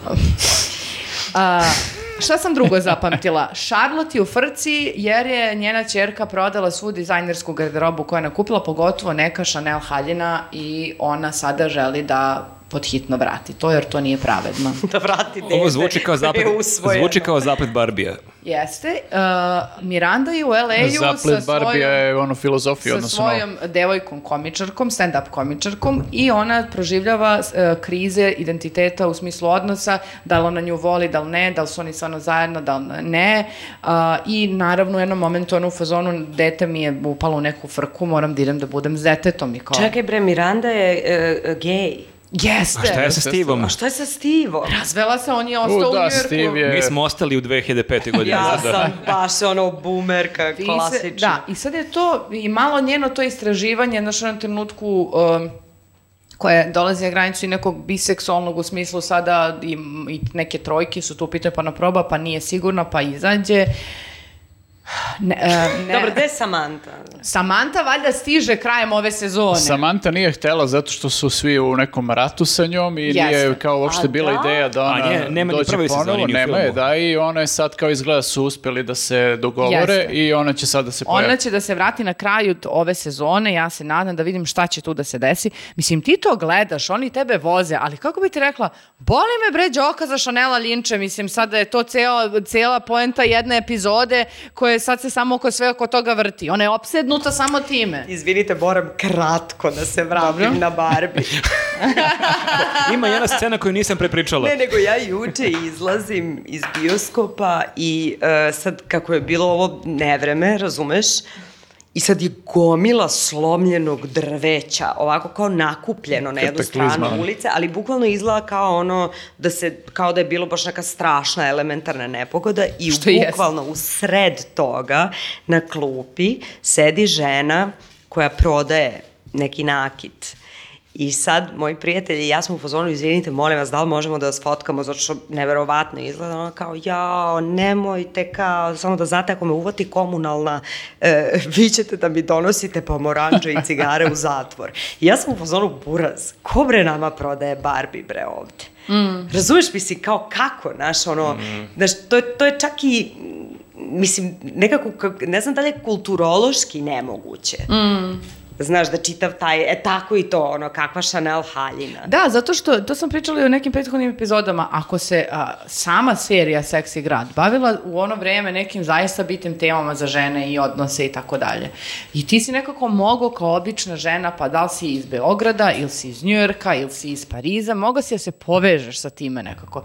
A ovde je sada samo toliko neko bogatstvo i neke banalne te, mislim, da ti ne priča, evo, od, znači, temu za koju su uhvatili, a, a, Charlotte i ovaj njen Harry imaju kao seks i on svrši i, i ništa ne izađe. I oni sada kao dva debila su u fazonu, mi hitno moramo kod doktora možda umire. I kao, pa šta je to, pa zašto je tako, pa... Zašto ne izlazi? Ne, ali ko, ja razumem da je sad kao šokantno, ništa nije izašlo, ali sad, sad se tome pristupa toliko debilno, kao da sad Pa čekaj, nikad... ali zar nisu oni u onim starim epizodama imali tako neke banalne situacije Ali- se, iz ono, kreveta, pa od toga grade Moguće je priču? da je naša perspektiva drugačija. Ali e, oni u pet, znači oni imaju koliko godina? E, da li se stvarno tada prvi put de- desi? I okej, čak i da se desi, užasno je zanimljivo, okej, super, može da bude forica. Ali, brate, razvij ga u dugu priču, a ne da hitno se trči kod doktora, mislim, i, se, i kao pa da će da mu se to vrati, pa mi sad onda moramo da vežbamo, pa sad moramo da pijemo ovo, i sad kao mi se svi radujemo kad ovaj na kraju izbaci nešto iz sebe. To je vrhunac epizode. To su nje, e, Charlotte dva zapleta koje sam zapamtila. Da, ne, mislim, oni su nekad u tim starim, ono, staroj seriji, kad su imali tako neke a, nedumice, to su bile nedumice vezane za tabue. Da. To su bili tabuji koji su svima nama bili nepoznati i kao ti se povežeš sa tim jer i ti ništa ne znaš o nečemu. I oni to problematizuju i ti si u fazonu, da, to mi je zabavno, mogu da, da skapiram o čemu pričaju. Ali ovo je kao situacija koliko se ono često desi, mislim. Pa da, ali na primjer bilo bi smešnije da su sada iz te situacije koja je sad kao problematična imali sad e, niz šarlotinih štreberskih pokušaja da ona mu vrati to. Pa onda sada jednom, drugi, treći put nema. Pa sećate se onda kad su bile na, onoj, ta- na onom tantričkom seksu kad je onaj čovjek svršio pa je palo Mirandi na kosu. Da. Na primjer, pa je to bilo stvarno urnebesno, mislim. Pa je moglo tako, ne, taka neka forica, okej, a ne ovo trčim odmah kod doktora i kao kada A šire svest o tome da muškarci treba da idu kod lekara češće. Treba, treba, ali mislim... Ali i treba. I treba, naravno, ali ovo mi je stvarno bilo, molim vas ljudi. Ali ja nisam mogla prestati da gledam i sad ću da pogledam da vidim to sa Samantom kako je, da li će ona tu Daj nešto bre, da nisi gledala Succession, imaš mnogo bolje serije. Moram da završim, jednostavno moram. Znate, e, izvini, da, ovo je moram tvoj Walking Dead. O, samo mi objasni zbog čega, znači kao šta, šta te je odbilo kad si počela Succession, kao zašto si... Nisam, odustala? samo nisam mogla da se posvetim, jer a, e, vidim da je to serija koja bi onda binđovala svako veče do tri ujutru, a i da ne bi imala potrebu ni znaš, za a- jednom ali drugom. lako se gleda, jako je pitka, jako ide priča, mislim, je, vrlo su kompleksni likovi, ali nije da sad ti treba da si, nije ono Bergmanov film, pa kao Ne sad treba da si to, nego- 100%... ne, mislim samo na nivou posvećivanja fizičkog vremena samo jednoj stvari. A i jer onda nije ništa serija drugo- koju ne možeš da ostaviš pa da ju se vratiš za dan ili za nedelju dana, ne moraš da je izbinđuješ. Čak, čak nekad možeš malo i da overiš sa njom. Da, da. zato što... Da čak je okej da malkice prespavaš, Da, da, da, se da. malo posluži u glavi Da šta se da. desilo. Ne, da, baš da. sam bila u fazonu, to ću da ostavim za leto, da onda mogu to da gledam, jer o, ipak imamo sad na dve nedelje popkast i ko treba pogledati sestru nešto u dve nedelje Ne, i ne, da ovo je stigneš. najteži, Han, ovo je najteži posao, da ti ja kažem. Bukvalno, da. Jel da, pa Znači, verujem. mi verujem. moramo da gledamo filmove i serije. Da, strašno. Ne, I pakao knjige potpuno. i predstave, pa to ko da postigne. Ja sve. išao par puta u pozorište, horor. Eto, tako da je to, mislim, ne, ne znam šta da vam kažem, da li je antipreporuka? Pa jeste, u stvari, što da ne kažem, jeste. Ali kopkate ipak. Ali, da, mislim, malo je onako kao saobraćena nesreća, znaš. Jeste, ono, jeste. Kao, zna- znaš da ne treba da gledaš, Ali ali, te vuče da gledaš. da. da. Gledajte ako hoćete da se nervirate, kao i Emily in Paris, prosto to ne možeš da ne gledaš, ali se nerviraš sve vreme i to ti je što ti je. Eto. Dobro. Ok, ja sam gledao nešto što me nije nerviralo, bilo je ovaj, prilično zanimljivo iskustvo. Dokumentarna je serija od šest epizoda, zove se Anarhisti. I ima je na HBO. A, zanimljiv je moment da je zapravo ovaj autor Todd Šramke se zove, on je e, sve vreme bio akter tih dešavanja o kojima se govori u dokumentarcu. Tako da ti negde imaš utisak e, kako je on snimao i ta dešavanja i sve, sve vreme je bio u toku, ti praktično zbog tog efekta imaš utisak uz ove neke naknadno snimljene stvari, izjave i to imaš utisak kao da je to onako jedna dobra serija zapravo, iako je dokumentarna. Jer imaš celu radnju koja se odvija i zapleti, raspleti, baš je onako fenomenalno je snimljeno. E, serija govori o a, konferenciji Anarhapulko se zove konferencija koja je pokrenuta u Acapulco u Meksiku i gde u je- Šta ti gledaš? Šta ti Slušajte gledaš? ovo. Koje, koje teme A tebe zvuči kao neki naziv koktela. da, mislim jeste glup naziv. A, ovaj mislim jel, Da se ono, odvali. Kao kad mi smišljamo za, za emisiju neke igre reči, pa sam, ok, brate, ovo je baš glupo. Ovaj, a, ta konferencija, to je pokrenuo jedan lik koji se zove Jeff uh, Berwick uh, i uh, njegova namera je bila da okupi kao anarhiste, moderne anarhiste na toj konferenciji. Uh, Moderne anarhiste. Da, to je, znači morate celu priču da pogledate zato što je super objašnjeno sve to šta su anarhisti danas. Mislim, oni nisu anarhisti u onom smislu u kojem je to jel bilo nekad u Pre. političkoj teoriji i, ovaj, i sve to, nego su to samo ljudi koji uh, imaju problem sa državom i ne žele da im država određuje bilo šta i ne žele da imaju bilo kakve posla sa državom i ova cela ekipa većinski... Naivčine. Cela ova Idi u ekipa... anarhopolku sledeće godine. Onda... Da. E pa ne postoji više, nažalost. Anarhistu grčkicu. Ovaj, uglavnom, cela ta ekipa koja je to e, počela tu konferenciju da pravi, ti ljudi koji su se okupljali na konferenciji, mahom su Amerikanci koji su, jel, dolazili ovaj, sezonski to kao u Acapulco na tu konferenciju i oni su Acapulco videli kao neki raj, bukvalno gde mogu da se okupe i gde se Pa stvorila nisu ta... oni naivni, nisu išli tamo negde, ono, Da, neku, da. neku vukojebinu, nego Da, kao, ajmo- pazi, jeste to, na prvi pogled ti kad vidiš da kao Acapulco, lep grad, sve je predivno, ali zapravo... anarhisti. Zapravo ispostavit će se da uopšte nije naivno, jer je to jako opasan grad od ne znam koje godine u novijem periodu, A zbog uglavnom, udra i svega. zbog kartela i uh, ovaj, doći će do ono, jedne situacije gde neko od njih pogine, ono, ubiju ga, narkokartel ga ubije. I onda krene da se, uh, sve do tog momenta je bilo onako idilično, mislim, oni su se tu ložili. Sad svi, svi neki uh, razne neke prominentne face iz tog sveta su nastupale, čak i ovaj kongresmen Ron Paul, američki, koji je dosta popularan u tim krugovima i ovaj, pa sad ne znam, bave se uh, self-schoolingom, ono, s- školovanje dece kod kuće, to je kao cela priča oko toga, pa sve segmente života nekog A jesu oni, Uh, izvini, su oni uglavnom neki su pokriveni. ti teoretičari zavere ili su uh, racionalni ne, likovi? Ne, ne, dosta Šta su racionalni, hoće? dosta su racionalni. Ko im je gazda? da, da, oni samo to hoće kao da nemaju nikakve posla sa državom, žele da uh, nemaju posla sa centralizovanim bankarstvom, sa centralnim bankama, uh, prosto, znaš, samo to je kao poenta, da nas država ostavi na miru. Ok, i- ali škola, ne, šta, Uh, šta fali oni- školi? Čekaj, gde žive? Moraju da plate poreze, Ne, ali račune. oni hoće da Ne, oni sve to- ostvare neko svoje ustrojstvo. E, faktički da, oni, znaš, oni recimo imaju to self-schooling, masa njih to već praktikuje, znaš, oni svugde gde mogu u okviru tih nekih svojih e, ono, ubeđenja, Beže iz institucije. gde, da, povlače se iz institucija, znači, ako mogu da se povuku iz škole, povući će se škole i vaspitavaće decu sami i imaju, na primjer, za školu jako dobro objašnjeno, ono, teoritski kako god, zašto škola ovakva kakva je sistem školski koji danas postoji nije dobar i zašto, zašto oni misle da je ovo njihovo bolje. A čekaj, od čega žive? A, to je dobro pitanje. Ovaj, svi oni imaju neke... a, ta ekipa konkretno koja se okupljala na toj konferenciji, mahom su se mnogi obogatili od kriptovaluta. Eli koji je pokrenuo konferenciju je tipa neki multimilioner i sad kao ti si sve vreme u fazonu ok, malo mi je sad čudno, znaš, svaki put kad izađe, ono, uvek izađe da otvori ovaj, konferenciju, a tako sav je uh, sređen, lep, harizmatičan, ono, ima super javan nastup i ono, ovaj, baš fura taj neki uh, život bogataša, da tako kažem, i svaki put izlazi ono da otvori konferenciju sa nekim skupim vinom u ruci i tako, sav je šmekir. Gospoda Pa, anarhisti, bre, pa to su Jeste, a anarhisti. to su moderni anarhisti, bukvalno, da. I Ne ovi naši. Lako je tako. Da, da, da. E, ali savjeti, da. nađeš nekog anarhistu, taman da ne deliš na Brate, ako voli lepo vino, naći ćemo se preko ideologije. Hana ovaj- Kuca, anarhisti. Anarhisti images. Acapulco.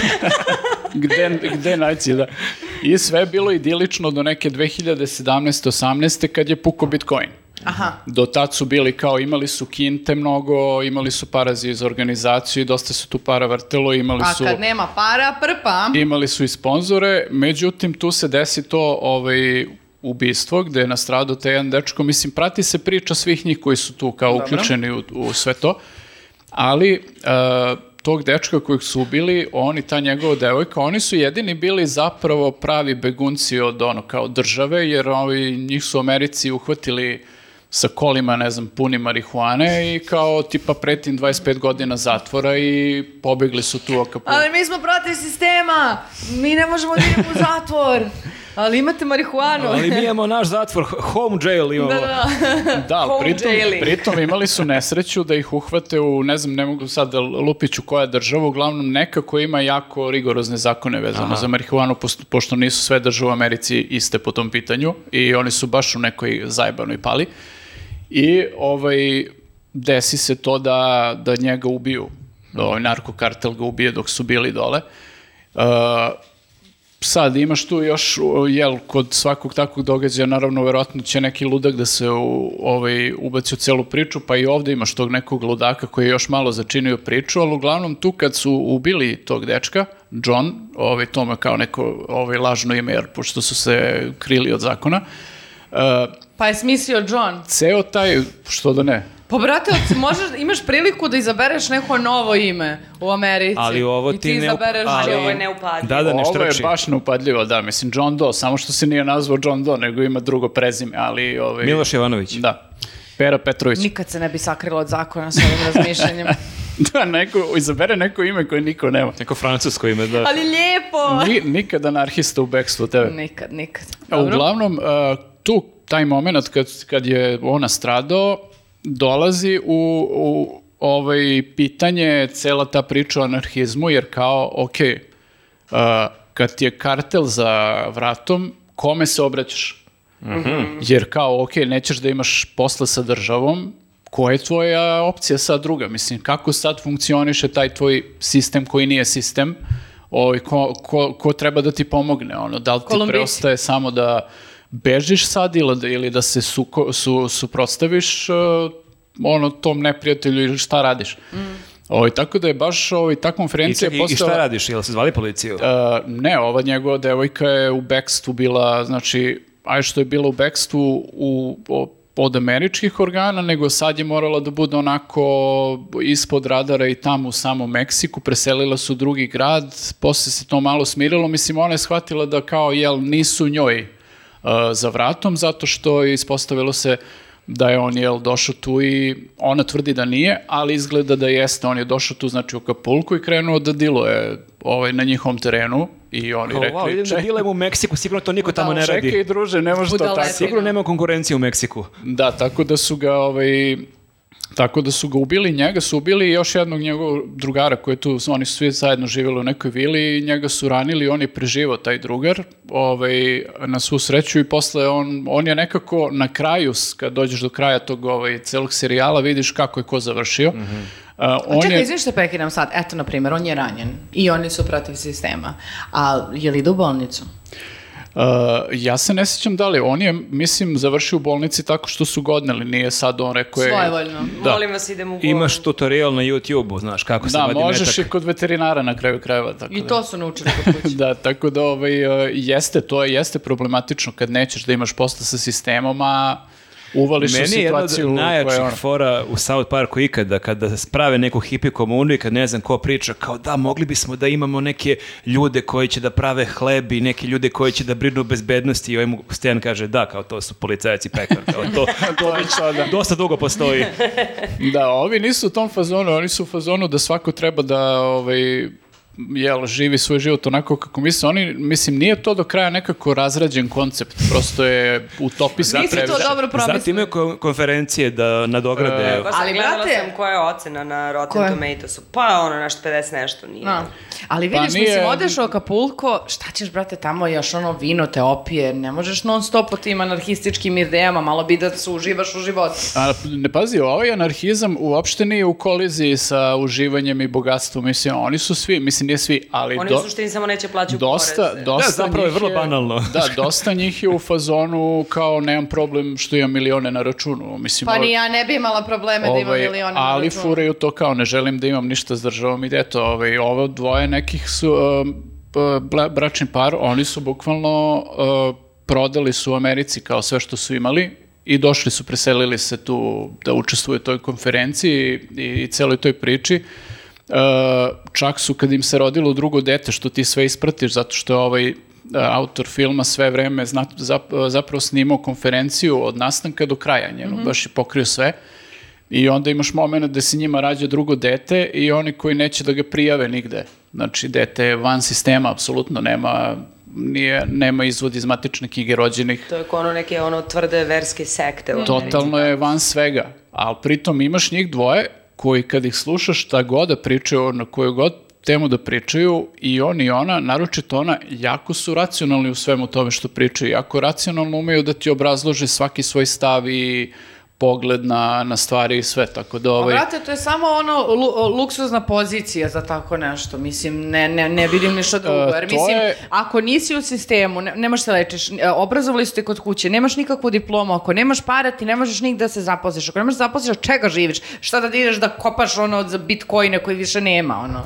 To je problem što je dosta toga, ceo taj koncept zapravo kod ovih bar koji su učestvovali u toj konferenciji je pukao kad je pukao Bitcoin, kad su oni pa, pro- kad je ono pala cena, jer dosta toga je bilo bazirano na tom izobilju rasta Bitcoina. Pa da, ali ne možemo se svi, ono- biti uh, vlasnici kriptovaluta. Ali mislim. to je uh, jedna od ovih stvari koje oni baš potenciraju i njima recimo jedan od glavnih pokrovitelja bila neka Bitcoin kompanija koja je posle isto kao ovaj, propala i mislim nije samo propala nego su ih optužili za neke multimilijonske prevare. Uh, jedna od uh, kamena temeljaca današnjeg tog modernog ar- anarhizma je upravo Bitcoin i kriptovalute zato što daju nezavisnost u odnosu na, Na banke. banke i centralni bankarski sistem i odnosu na države. To je jedna od najvažnijih stvari u tom... Ma ono, ja nemam problem s time, ali kako dođeš Kako da do zaradiš? toga? Kako zaradiš ti to? Rudariš, kupuješ Ma go, Bitcoin. odakle rudariš, odakle ti kompjuter, odakle ti struja? Odakle ti kompjuter? Pa mislim, stvarno, čekajte, ne možemo sad svi kao, pa to mi bismo bitcoine i da kao da budemo Pazi, niko nije sistema. rekao da Ali ti niko možeš... tebe ne treba da budeš ana- anarhista Ni- ili sad. Niko- na ko- da, ne, niko nije izvinite, rekao da a- ti, da ti možeš da budeš potpuno nezavisno od sistema. Pa sad su ako malo možeš, mene ako možeš da ukradeš struju ovaj, od sistema, Znači ukradi znači lopov. Znači nisi anarhista, nego lopov. To se tako kaže. A jel plaćaju oni kartu u prevozu? A, e, da, e, znači, hoću samo da kažem da me to nervira zato što mi, se jako e, Kenja od tih ono privilegovanih, bogatih ljudi koji bi tako da ti se rendaju kako su nešto protiv sistema i kako su oni našli svoju oazu. Pa ja bi druže za te pare našla svuda oazu, znači ne samo Aha, znači ne bi niti baš bila etična. Pa ne, nego ne možemo sad iz tih kao Pa pozicija... nije, ne da- plaća kartu u prevozu nikad. Ne, nego zato što iz Pazi, tih imaš pozicija ti- Ja ne znam, prosipaju... izvinite, gde se sad plaća karta?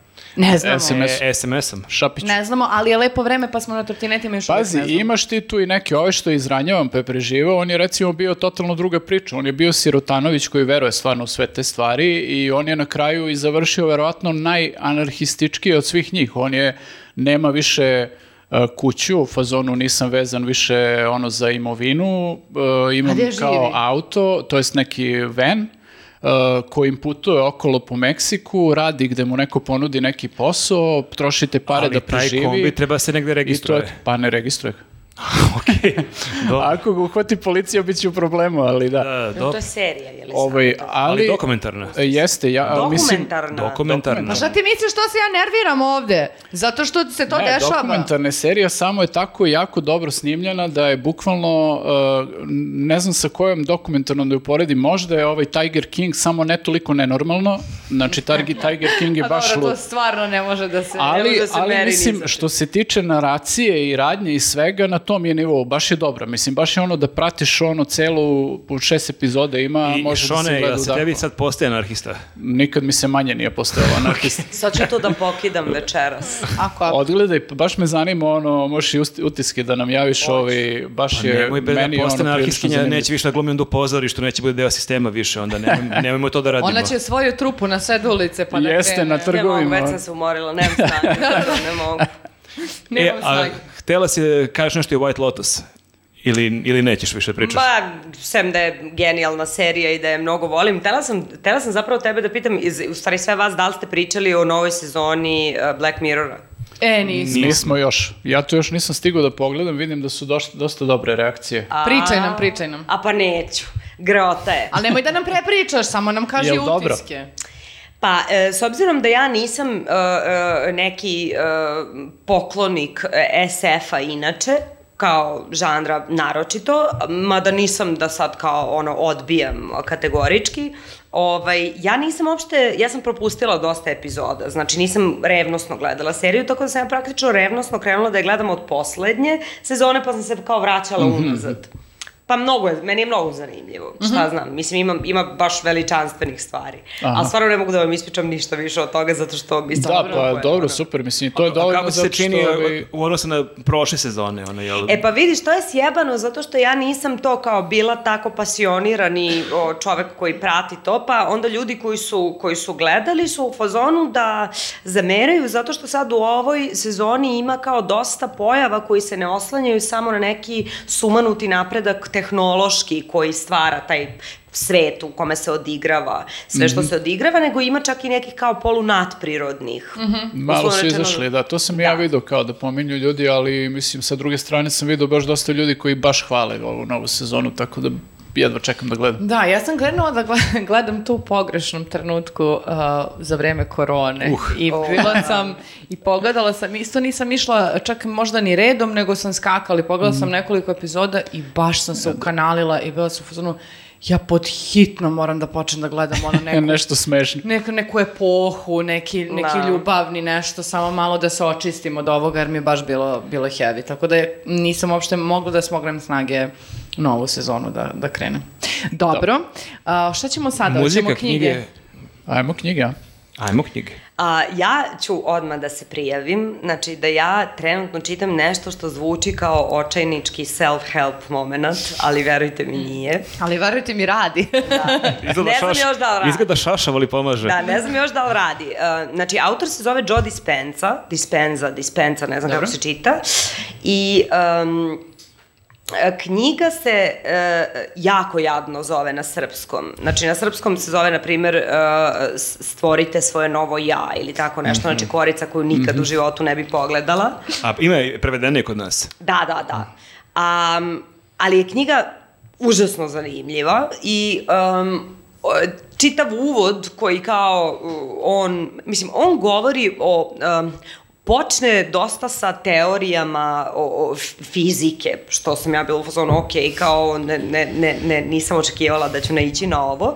Zapravo govori o tome kako je Newton i Descartes i tako kako su učinili veliku nepravdu u stvari posle um, razmišljanju o činjenici šta je materija, a šta je um i kao u kojoj meri se te dve stvari i da zapravo ono kako na stare načine smo prikazivali atom, kako se crtao, kako je to uopšte uh, kao zapravo koliko je to netačno i zašto je kao kvantna fizika kao nauka donala totalno otkrovenje o tome da je atom zapravo više ništa nego nešto, zato što se jel ceo sadrži od energije i tako dalje. I zapravo govori tu Ima tu zanimljivu teoriju o tome da ako, znači, materijalni spoljašnji svet može tako duboko da utiče na naš um, kako je moguće da kako je moguće da nije ni obrnuto. Aha. Da tu nema neke uzročne posledičnosti i tako.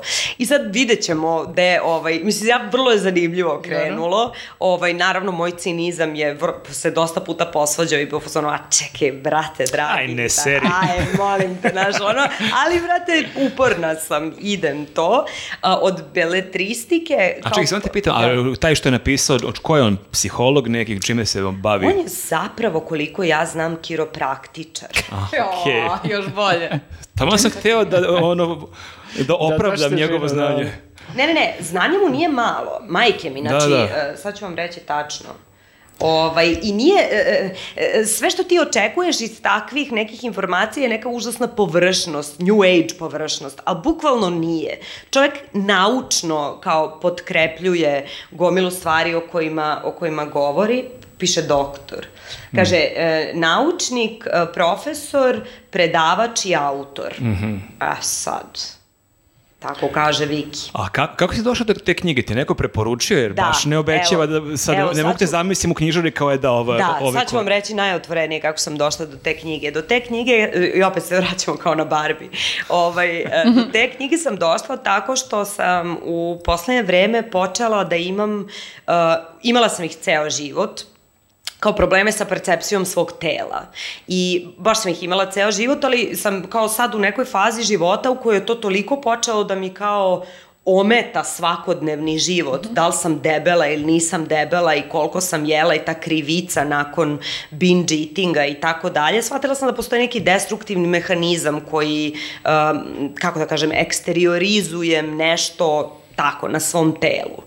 I nije mi više bilo dovoljno da mi ono kao prijateljica ili neko kaže buraz ono što, o čemu pričaš i tako, jer sam videla da postoji nešto što, što kao i razgovarala sam sa jednom prijateljicom Uh, koja, um, imala sam prosto eto, potrebu da joj se poverim, znam da je ona uh, kuburila sa poremećajem u ishrani, tako da je to neki kao ono zapravo level više od toga što u, če, u čemu se ja kao sad osjećam da se sa tim borim i, ovaj, i ona mi je preporučila knjigu. I isto mi je rekla, pošto me poznaje, znam da će ti zvučati kao trešina, kad vidiš naslov, grozno je prevedeno i tako dalje, veruj mi. Mm. I, ovaj, I stvarno moram da kažem da je knjiga za sada apsolutno zanimljiva. Zapravo zaista govori o to načinu, počinje naučno da ti objašnjava na koji način ti možeš da u stvari um, menjaš svoj pattern razmišljanja o sebi i o svetu. Mm -hmm. I nije bullshit, znači nije kao nikakva ono... Motivacijane poruke. E, ne, ne, ne, ne, ništa slično tome. Zaista, kao potreban je ogroman rad na sebi, ovaj, a ne da pročitaš tu knjigu, kao to ona knjiga pročitaš i kao prazneš mm. da pušiš, to, da, to mi je da. najjače. Ne postoji, da. ovaj, da. Tako da, eto, zato. sam sve. Eto, tako sam, tako da, sam, da. tako cool. sam dobila, ovaj, tako sam dobila preporuku o toj, o, za tu knjigu. Pa super, cool. baš zanimljivo. Da, da. Hoćeš ti? Da, pa mogu ja... A što se odmah poskočio? da, da, sagledam sam se odmah. E, ja sam... E, evo ove knjiga e, koju sam pročitao, skoro je izašla Buka izdavač, Kratki čudesni život Oskara Vaoa, pisac je Juno Diaz. Ova je knjiga koja je dobila, ako se ne varam, dali Bukirovu nagradu i po nekim tekstovima, anketama je proglašena i za najbolji roman 21. veka, što ovako mi u startu zvučalo kao wow, kao, da, kao krupna stvar, ali u startu ja malo imam ono problem s tim, kad stalno vidiš to New York Times bestseller, ovo ono, ja da, sam da, malo skeptičan. ovo je svetska književna senzacija. Jeste, jeste, da. Tako da i ova knjiga je, kao i mnoge bukine knjige, dosta hajpovana, ali baš sam nešto sa, sa Bevcom dopisivao, rekao sam kao, mene malo kod vas ne vruje što svaku knjigu hajpujete, ali opet razumem vas i ja sam potpadnem po taj hajp i dosta vaših knjiga i kupim, ali zapravo ono što je mene prelomilo da kupim ovu knjigu je kad sam video da je David Bowie rekao za ovu knjigu da svako mora da je pročita, kako je meni David Bowie baš ovako jedan od umetnika koje najviše poštujem, to je već bila krupna stvar, to ankete, istraživanja i slično, ne toliko, ali kad kaže Bowie, Bowie, da, Bowie, da je pročitam. Da. Zanimljiva je knjiga, pisac je poreklom iz Dominikanske republike i on živi u Americi I uh, ono što kod ove knjige, mislim i u samom opisu uh, i sam naslov knjige implicira da se cijela knjiga dešava o životu tog Oskara Vaoa, pa još kad se zove kratki čudesni život već implicira da ono šta će se desiti na kraju. Tako da u startu kad vidiš uh, opis knjige gde pišu o njemu, a on je ovako jedan jako usamljen, introvertan momak koji je jako debeo i koji e, nikad nije imao devojku, skoro da nikad nema ni prijatelje i on je po ceo dan u stanu i on nek beži u neki svet e, nauče fantastike, fantastike Tolkiena čita, on želi da piše, on e, mašta o tom nekom znači, magijskom svetu i piše razne priče i knjigi i to šalje izdavačima i nikomu ništa nije objavio. I sad kad prilike pročitaš takvu radnju ne zvuči ne znam koliko zanimljivo. Ali ono što je zapravo meni sjajno ovoj knjizi je što pola knjige uopšte nije o njemu. Počne knjiga o njemu, njegovom životu, koji onako deluje ok, ali ništa me nije previše uvuklo u startu. Ali ono što mi je sjajno, što neki ceo središnji deo ove knjige zapravo obrađuje celo njegovu porodicu, pa čak i familiju. I onda je jako ima jedno poglavlje o njegove sestri, pa njegove majici, o baki, o dedi i kroz te neke priče, čak u jednom momentu mi je onako delovalo da mi je zapravo najmanje zanimljiv deo knjige koji se bavi Oskarom, a da mi je mnogo zanimljivije sve ovo e, mimo toga jer kroz te likove koji su mnogo burnije i zanimljivije živote vodili od njega, em što te ta priča dodatno uvuče, em što je jako zanimljivo što kroz te njihove sudbene vidiš i kakav je bio život u Dominikanskoj republici tokom perioda njihovog diktatora, zaboravio sam kako se preziva, uglavnom on je živeo tamo je vladu od 1930. do, do 61. godine i to je bila neka brutalna diktatura o kojoj ono stvarno, mislim da mnogi od nas ne znaju neke št- stvari koje su se dešavale, zbog čega su ljudi završali, završavali na robi i bili ono pogubljeni. I mislim to je recimo jedan baš zanimljiv detalj, baš opisuje kako e, šta se dešavalo navodno sa njegovim dedom, da je postila ta priča da je taj diktator, osim što je smatrao da je cela država njegova, da su svi ljudi zapravo njegovi, da on smatrao da on polože pravo i na sve devojke i sve žene koje god poželi da ne može da ga odbije. Logično. I da je onda bila neka praksa da je on čak išao dotle da je i uh, od svojih nekih bliskih saradnika otprilike ono ih tražio da dolaze na neke proslave sa svojim ćerkama i da te ćerke nisu smela da ga odbiju i da njihovi roditelji nisu smeli da se pobune u ime njega, svoje dece i tu baš ima jedna jako zanimljiva priča o dedi ovog Oskara koji je bio neki ugledni lekar gde i u jednom momentu ovaj e, vladar kaže e kao pa ti imaš ono ćerku beš ona sad ne znam ima 17 godina kakva je? I ovaj kao u želji da nje spase kaže pa lepa je ako voliš brkate žene. I kao pomisli da će tim, a zapravo ćerka neka lepotica i on pomisli da će time zapravo da ga ono beshrabri, ali on mu kaže u nekom sledećem putu kao pravim neki veliki prijem, obavezno dođite vi, vaša supruga i vaša ćerka gde ovaj sad opet ima dilemu šta da radi, na kraju se pojavi bez ćerke i tu kreće potpuno propast čitave porodice, tako da dosta opisuje i mentalitet ljudi koji su tamo živeli i političko-društvene situacije, a onda u nekoj poslednjoj trećini se opet vraća na Oscara i tu je, aj sad da ne otkrivam šta se dešava, tu je jedna tako jedna lepa i tužna, takva jedna ljubavna priča koja je predivna. Pritom, e, zanimljivo je u knjizi što se onako, malo se menja narator, ali uglavnom je narator lik koji je potpuno sporedan u cijeloj knjizi, a to je bivši dečko njegove sestre koji ima i specifičan rečnik, on dosta piše u slengu. Tako da tu kad čitaš na momente se onako malo zbuniš kad vidiš da onako na momente deluje kao lik koji ono ispred rakstora prepričava nekome šta se dešavalo, što onako na moment onako možda zasmeta, ali vrlo lako prihvatiš tu celu priču.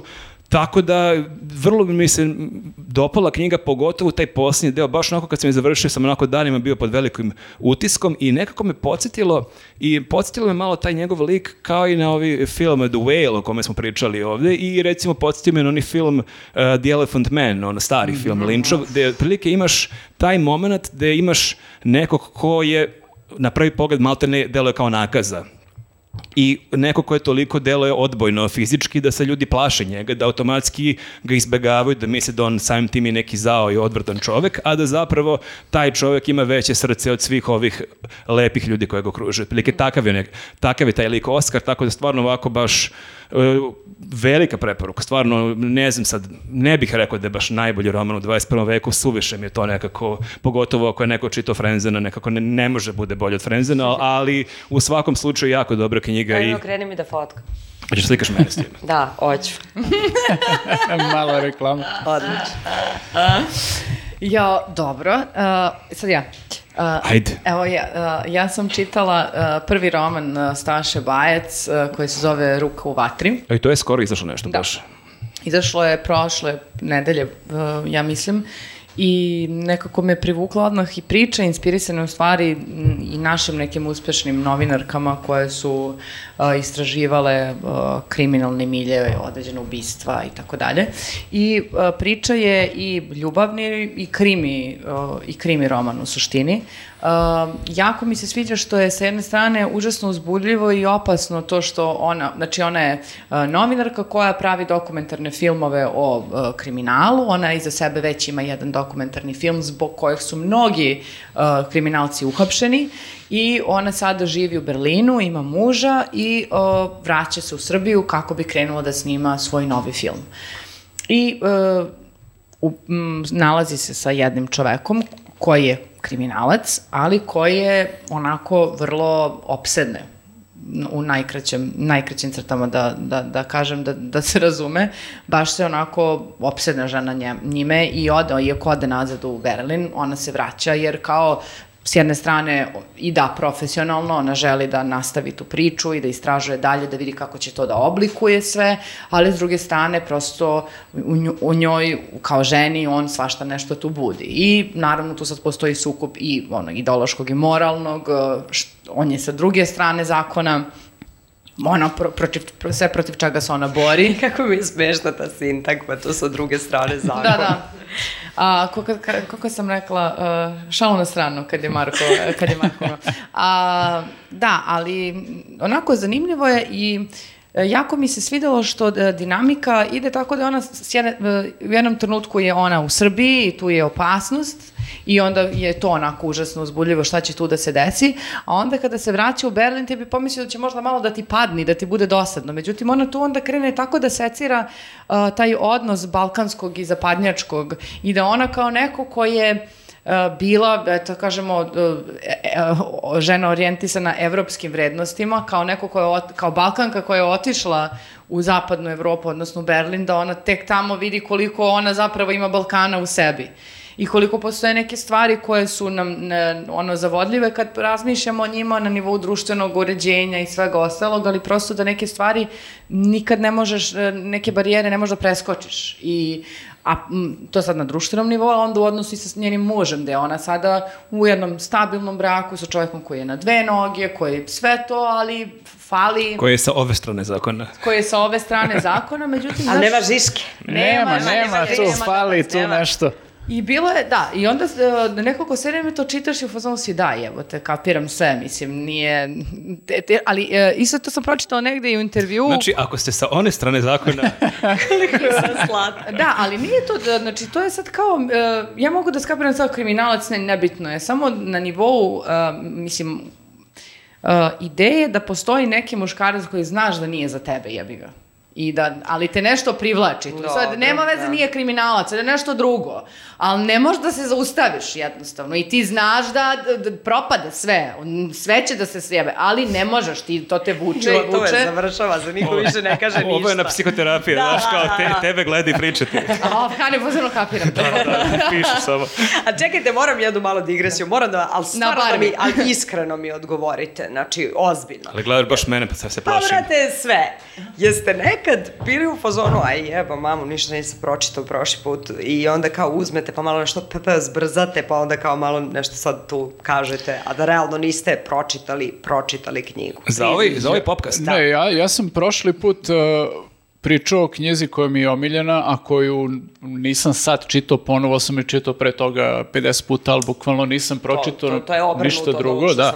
da. Ali ne, nisam, nisam to, obično, mislim, ako mi ostane negde možda pred kraj nešto nisam završio, ali redko, Da, meni se desa to kažem, da... ovaj, ostalo mi još 50 strana, ali delo da. mi je takva i takva, ali ja.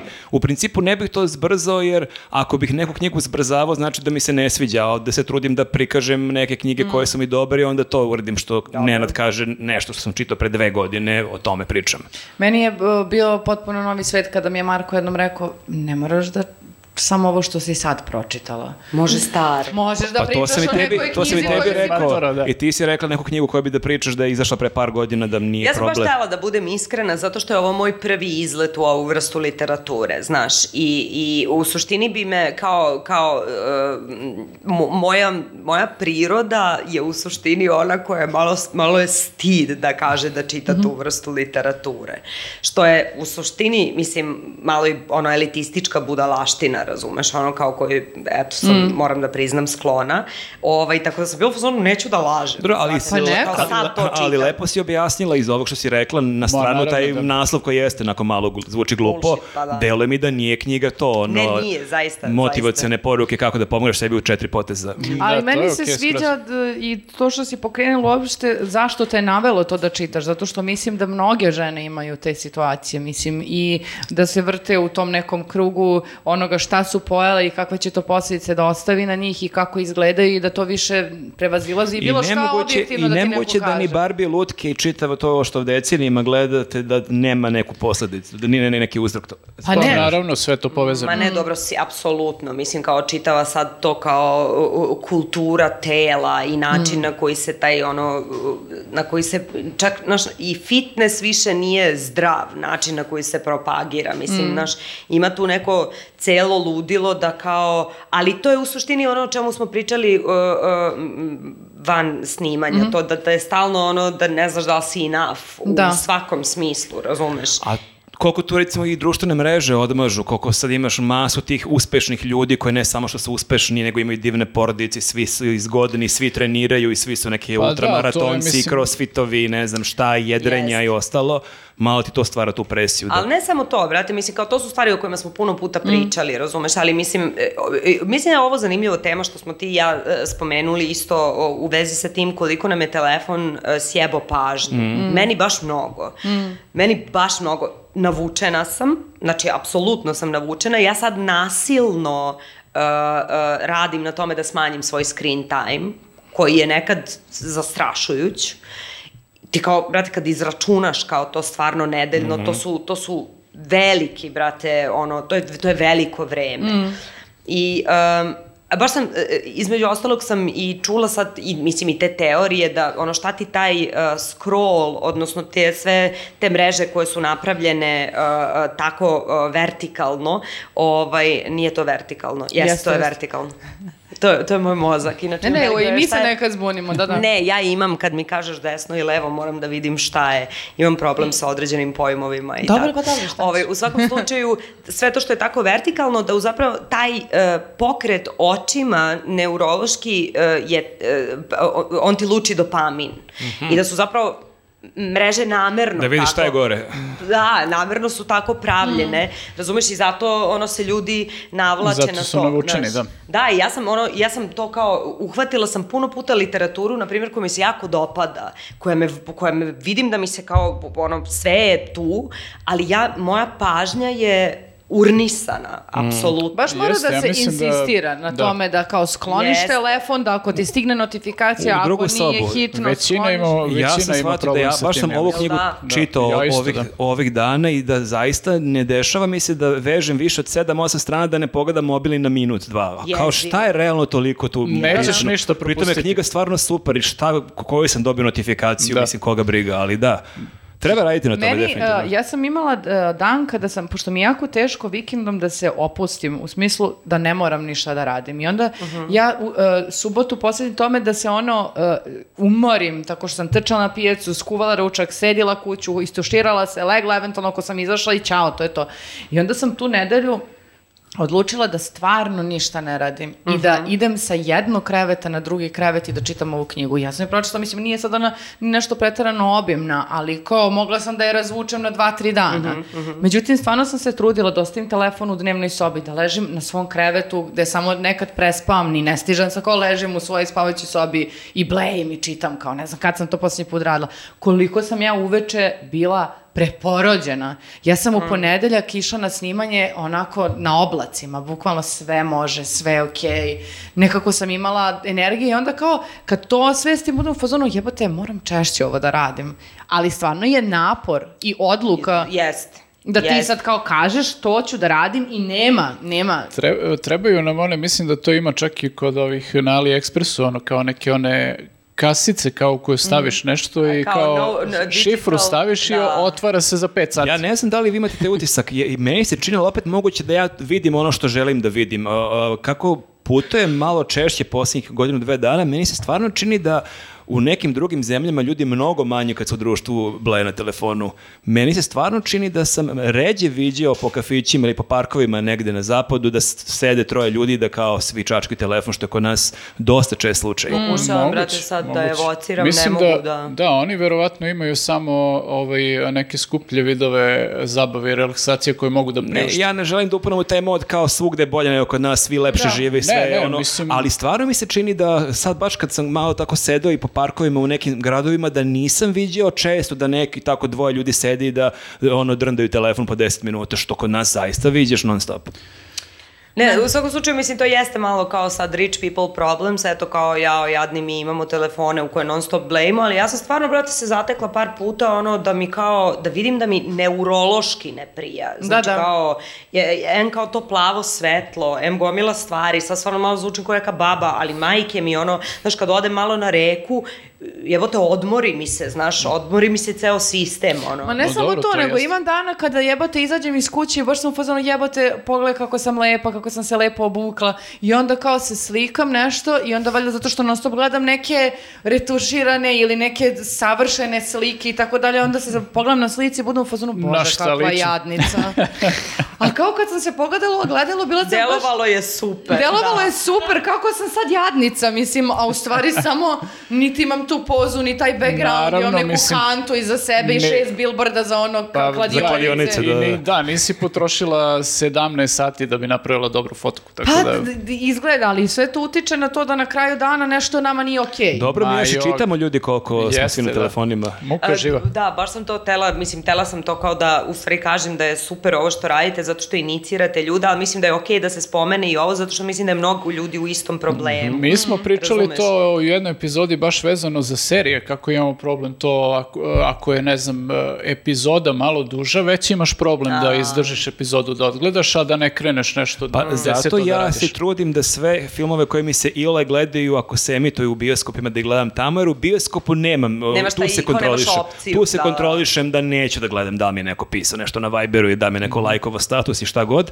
ali kod kuće stvarno onako to mi sve teže bude i zato ti kažem da neke filmove baš treba gledati u bioskopu jer greote s pola mozga nešto gledati. Da. Dobro, a, znači samo da, ako mogu da završim, Ajde, ajde. pošto smo napravili malu digresiju. Ne, ne, ne, ne, ne, ne, i treba, mi volimo kad se ovo desi. Htela sam samo da kažem da treba da se pročita ova knjiga i da treba da se i po- obrati pažnje na taj moment malo iskrenije budemo, jer sad u ovom feminističkom a, naletu a, pametna žena kao da ne sme da napravi neku grešku i da sad bira pogrešnog, jel te, muškarci ili da dozvoli da tako nekako zadojena ljubavlju, strašću i ostalima prave neke korake, jer ona treba da bude jaka, samostalna, osvešćena i tako dalje. Ali e, mislim da u svemu tome nije stvar ni crna ni bela i da moramo malo da budemo iskreni i u tome da nekad možemo da ispadnemo i glupe ili da ispadnemo na našu štetu da nešto uradimo. Jer mislim da samo priznavanjem toga možemo nekako da malo...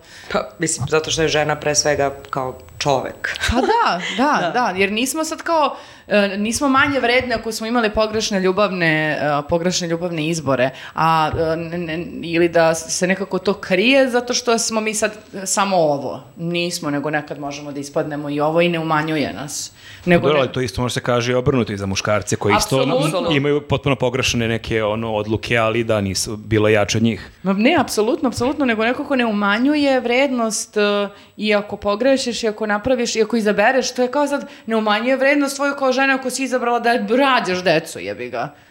A, a sad kao ako izabereš karijeru, to je sad ono, pa nije samo to, nije ili ovo ili ovo, ili ako jeste jedno, ne znači da je manje vredna. Dobro, ja mislim da je uopšte deplasirano Mm. pričati o tim stvarima, zato što kao, mislim, to je toliko podbrojan pitanje ličnog izbora Mm. i toliko nije, e, jedino o čemu kao je tu užasno važno pričati su, su e, uslovi koje imaju žene koje su eventualno je. preduzetnici i tako dalje, koji su uslovi za ovaj, e, mame koje ono imaju Mm. porodiljsko i tako dalje, ali sad da li će tvoj lični izbor biti da ćeš Apsolutno. se baviti i jednim i drugim ili samo jednim ili samo drugim, to je baš ono, pošto ne znam... To ne bi trebalo da se tiče bilo koga drugog. Pa Apsolutno. Jeste. Jeste. Baš. Ja te neću sućivati ako se zaljubiš nekog kriminalca. So, Nije sa one strane, sa kriminalac. one strane zakona. Anarhista, ako je za kapuka i bi voli bilo, vino, bilo bi bolje da nađeš nekog sa one strane Dunava koji ima brodić ili čamac. Pošto da. već voliš uh, da imaš brod, Veruj mi, bilo bi bolje. veri mi, spojiš lepo i korisno. Čekaj, reci mi, o, ova devojka što je napisala, ona je o, pisala scenarij za neke filmove, serije, ako Kako sam ne, dobro kako razumeo. ne, za predstave, pa ovaj će biti, ovaj, Ovaj će biti drugačije i ovaj će biti drugačiji. Ona je isto radila i jutro će promeniti sve za neke epizode, jel da, Hana? Verovatno. Nisam Mislim da sad- da, ali kao vrlo je darovita naša spisateljica mlada koja kao super piše e, i za film i za e, serije i za pozorište, sorry, film. Nisam sigurna da li je film. Pa zar nije ona sa Ljucom bila... E da, vlažnost, vlažnost je tako, dakle jeste i film, ali evo sada prvi roman, svaka čast, a, samo nastavi. ali ja primao jadnu konstataciju na kraju, svaka čast. Svaka Samo čast. napred. Nebo je, Samo nastavi drugarice. Samo izdrži. nebo je granica, I devojko. radila na ovoj super miniseriji uh, na kojoj je radila i Mija, Jo, Ona se jeste. budi. Da, da, da, da, da, to mi je stvarno jedna od omiljenih uh, stvari koje sam u posljednje vreme gledala na TV-u. Ono je super je, odlične, zaista si i, i čitava ideja i koncept i sve sagovornice su fantastične. Jeste i baš bih volila da se nastavi, da neko prepozna čeče da, ulo, da uloži u to, da kao da se to A nastavi. vidiš, Hana, nju su primili na FDU. Zanimljivo činjenica. Ne znam, mnogi ne znaju. Ne da li to nešto govori o njoj ili o meni. Da, da, da. Ja, Nenade, Tema za razmišljanje, da. Uh, ja sam pročitao jednu uh, trilerčinu, ovo je thriller sa velikim T, eto, ne znam, ovaj, E, tako se najavlja knjiga. ne, ja sam stvarno oduševljen, pošto baš dugo nisam pročitao thriller koji me toliko uvoko i toliko vozi, ono, nemilosrdno te vozi. Uh, zove se Ubij oca svoga.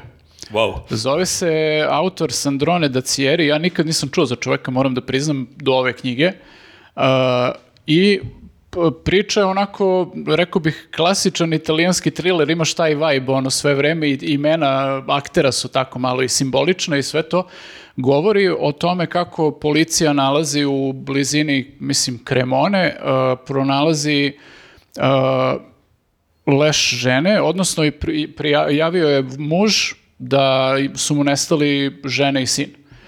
Policija nakon toga nalazi leš žene sa odrubljenom glavom i sin je nestao, njega ne mogu da nađu. Naravno, odmah je sumnjiv otac je li i muž i oni istražuju njega i kao shvate da on uopšte nije ni u kom ono scenariju mogao to da uradi. I kreću, po, kreću istragu da vide šta, šta se desilo zapravo, jer kao glavni problem je što ne mogu da nađu dete. To je, ovaj, pokušavaju da ovaj, na razne neke načine i onda pozivaju jel, jednu a, inspektorku koja je, to jest poz- poziva je jedan od tih policajaca, a, ona je inače doživjela neku katastrofu, ona to tako zove, i a, nakon toga je se povukla iz službe na neko vreme i on je nju pozvao onako nezvanično ispod radara da mu pomogne oko te istrage, zato što ovaj vidi da je to već u ćorsu, kako da ne znam šta da rade. E, Ona se zove Kolomba i ona se odazove zato što je on bio dobar prijatelj, a i htela bi, mislim ona je tu, i htela bi da se vrati u službu, a i ne bi, E, i dalje ne znamo šta se njoj to desilo, kao to tre- tek e, nakon nekog vremena u knjizi saznamo.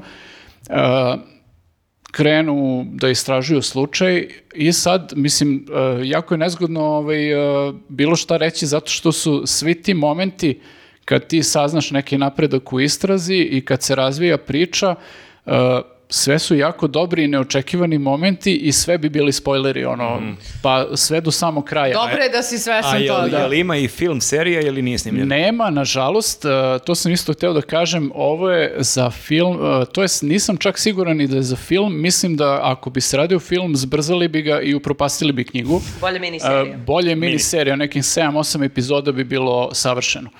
Uglavnom, ona poziva e, momka koji je čoveka, to jest zove se Dante, koji je, pošto je nestalo dete u pitanju, e, on je inače e, lik koji je imao potpuno sumanutu priču, njega je oteo neki ludak psihopata i držao ga 11 godina u zatočeništvu.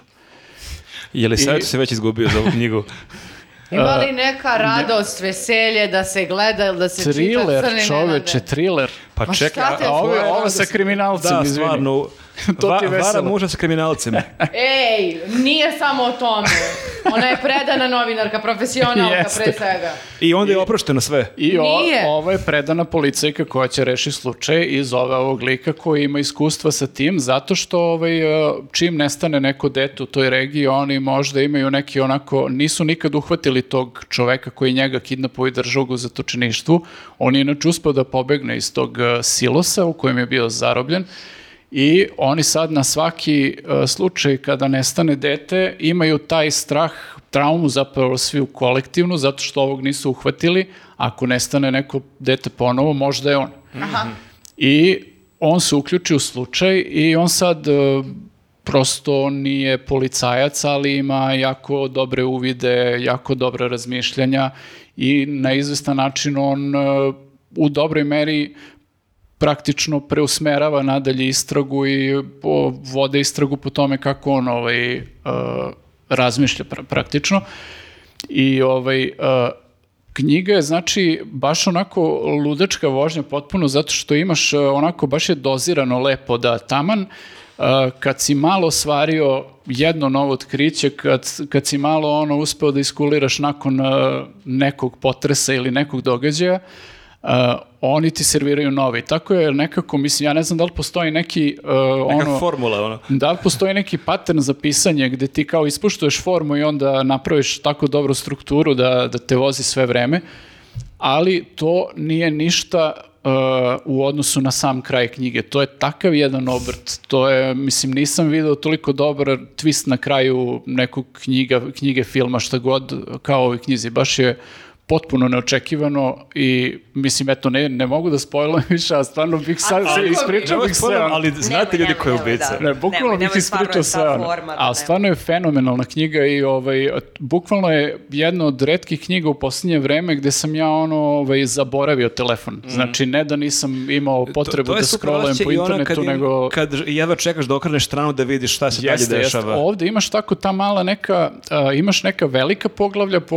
u, ono, u, u okviru tih poglavlja imaš neke manje celine i praktično na, na ono, ne znam, svake te dve celine imaš nešto novo što ti je nova udica da te vozi dalje i baš je onako lepo napisano. Jo, lepo, boga mi. Ali Naš- pritom je samo da kažem, stil je takav, ono, prečišćen je skroz, nema žvakanja, nema, znači baš je, Samo dinge dinge. da, da, nema ono suvišnih introspekcije tih stvari, nego onoliko koliko treba. Da, preispitivanje mladost, detinjstvo, odnos sa ocem, ajde. Ali, ali sve vreme ti znači jako dobro skapiraš uh, i psihičko stanje svakog lika i njihove dileme i sve, baš je onako napisano Ali bez odlično. preterano sranja. Bez, bez suvišnih stvari. Dobro. Jesi uh, ti teo pričaš o nekoj beletristici, Hana, ili... Uh, bukvalno, ja ću zaista o, da ostavim celu stvar na ovaj samopomoći ovog puta. Ali Lepo. možemo da Okej. pričamo, mislim, ako imamo, ja ne znam, jel vi ovde živite? Mi dok ne padnemo možemo da pričamo. Znači, ja sam ti rekao ono pre snimanja, ako ti imaš neku obavezu, slobodno Čitam idi. ovu uh, molitva za ove naminija, se zove knjiga, to je uh, uh, John Irving, Mhm. ovaj, i to sam počela da čitam i onda me je uh, um, ono, sjebala kratka pažnja, krenulo mi je baš prelepo. Čekaj, izvini, on je beše pisano kad je Niče plakao, je to taj pisac? Ili... Nisam sigurna. Aha, možda sam pomešao onda. A Jalom, Ne, to je okej. Irvin Jalom, da. Okej, izvinjavam nisam se. sigurna. Ovaj Okej. lik je kanadjanin, ovaj, i koliko sam ja shvatila, postoji scenariju, ne znam da li postoji film. Mislim, zanimljiv je roman, znaš, kao cela premisa je da je kao... Uh, um, um, na jednoj um, bejsbol utakmici dečijoj je njegov prijatelj, taj Oven Mini, ovaj, tako jako, koji je ono, koji ima sjeban glas i ceo je tako mali i ono, svi ga užasno zajebavaju tako što ga na časovima dižu u vazduh i on ne može nikako da se odupre. Ovaj, tako je jako zavalio lopticu na bejsbolu koja je ono, ubila majku od ovog drugara na mestu. I odatle kreće cela priča. Zanimljiv početak. Eto. Zanimljivo. Ovo je podcast gde se Elisaveta samo šokira, šta god, bilo ko da čita. Šta, šta vi gledate i čitate? Ne, ne, pre toga sam čitala ovog Sorrentina, svi su u pravu. To je- Ja, da, to sam ja Da. pričao pre nekoliko epizoda, to je sjajna knjiga. Dobro, a, sada da pređemo na muziku. Muzika. A, o- mogu ja? Ajde, vidim da si baš nestrpljiv. J- e, Ja moram da se javno zahvalim mojoj drugarici Teodori, a, bez koje ne bi a, imala o čemu da pričam ovako srećno. A, Išla sam na koncert Interpola. A, To je jedan band koji ona mno- mnogo, mnogo više voli od mene, ali ja ga baš volim. Gde, gde? A, Bio je na Krku. A, ja nisam bila nikad ni na Krku, tako da je bilo zanimljivo u nekom klubu koji se zove Diamond. I tako, a, a, bilo je onako zanimljivo iskustvo. Klub je na nekom brdu i onako više napravljen možda kao da, za neke velike žurke, tu su i neki uh, separe i mi smo čak sedele i kao bile smo šokirane. Jeste pile šampanjac. Pa nudili su nam, kaže dečko, pa hoćete flašu vodke, a nas tri ovako, flašu vodke, pa kako će ja popije flašu vodke, čoveče. Ko će da plati flašu vodke? večer. I ko će da plati, ko Na će da Krku. popije na krku, mislim, čekajte ljudi. Kao ja ću kiselu jednu. Pa ne, mislim, možda sedimo na tim somotskim foteljama, ali nemamo mi to, to, to da iznesemo. Nebitno je, svakako pili smo mi tu vince i lepo smo se mi A čekaj, bili ste u Separeu, ste, iz Separeu ste gledali koncert? Stajale E, smo je- rock, rock and roll. To su ovi anarhisti na Aha. konferenciji, da. lepo smo videle, bilo nam je bitno da lepo vidimo sve. Mhm. I onako, koncert je, sada, e, ja stvarno volim jako taj band e, i kao bilo mi je sama atrakcija što uopšte njih gledam. I bilo mi je jako e, lepo da, da čujem neke pesme uživo i tako dalje. Ono što mi se možda malo manje svidelo jeste što smo možda očekivali da koncert traje duže, međutim posle smo pitali ljudi kao to, sat i 15 minuta je njihov taj set koji oni dolaze da odsviraju. i Da, kao- odradili vam Pepper Swingy, Pa mislim, o, znaš kako, možda smo samo mi bile šokirani zato što ljudi koji su to sad to prave to, ljudi su bili u fazonu, ne, ne, to je to, kao, ovo je... A sam čula da su Wu-Tang na Exitu baš ispoštovali. Pa moguće, ovi su ispoštovali, ali onako sve je proper urađeno, ali samo nisam sad, nije bilo sad nekog tog dodatnog cepanja i nečega što sam, što meni kao... uh, A ti ono, se pare u fazonu, svire mi tri sata, pa šta, da- takav je, oko- ne. takav je set izgleda Ne, stvarno. umri na sve vreme sceni. smo mi stajale ovamo da gledamo lepo i džuskamo, znači nismo mi sad sedeli i pile vince kod neke ono, ne znam šta, nego kao baš smo Kao uživale. ja. na primer, na koncertima. Stvarno. pa ja nemam snage više ni za šta drugo. Bukvalno. To smo u tim smo godinama, da kao. Šta je bilo, bilo je. Ne, Šta, šta moram, sam skakala, skakala sam. moram da priznam da je jako bilo lepa, lepo saznanje da kad se malo umorim, pošto smo malo uh, onemoćala od vrućinice, a, da možemo malo da A prisežemo. čekaj, pa ti kao da trčiš maraton, pa to je sve ukupno Marko, sat i ti ne 15, znaš kad si kolika- stigla da se umoriš i odmoriš? Mi smo stigle u sedam čoveče, koncert je Ma počeo da, počeo u devet, su da- zato što A, okej. nismo tele da rizikujemo da ne, da ne, ne zauzmemo lepo mesto, da ne da propustimo bilo šta i tako dalje, ali onda ne moćeš čoveče te vrućine, znaš ti kolika je vlaga bila, to je bila noć pred onu voluju. Muka živa.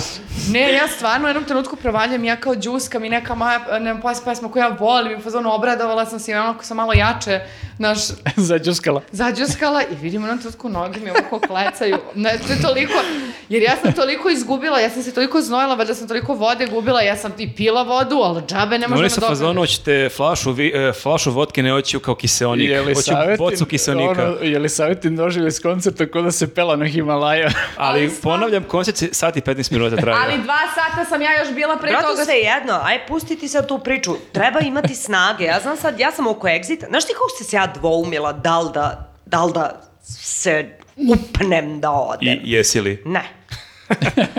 ne, a kao baš sam tela da idem na Wu-Tang i nisam otišla jer sam u fazonu, ja ne mogu više, ja sam toliko izlazila. Mhm. Ja stvarno mislim da je sad došao neki prirodan kraj. Smena tome, generacije. Da Dosta mene je bilo, iko da. gazi. Da, da, da. Razumeš, znači neću samo I da to se više. guramo kroz. Ne, nema Ja te šanse. razumem, ja sam se od srede do subote uveče, pa možda čak malo i u nedelju, ali do subote dvoumila.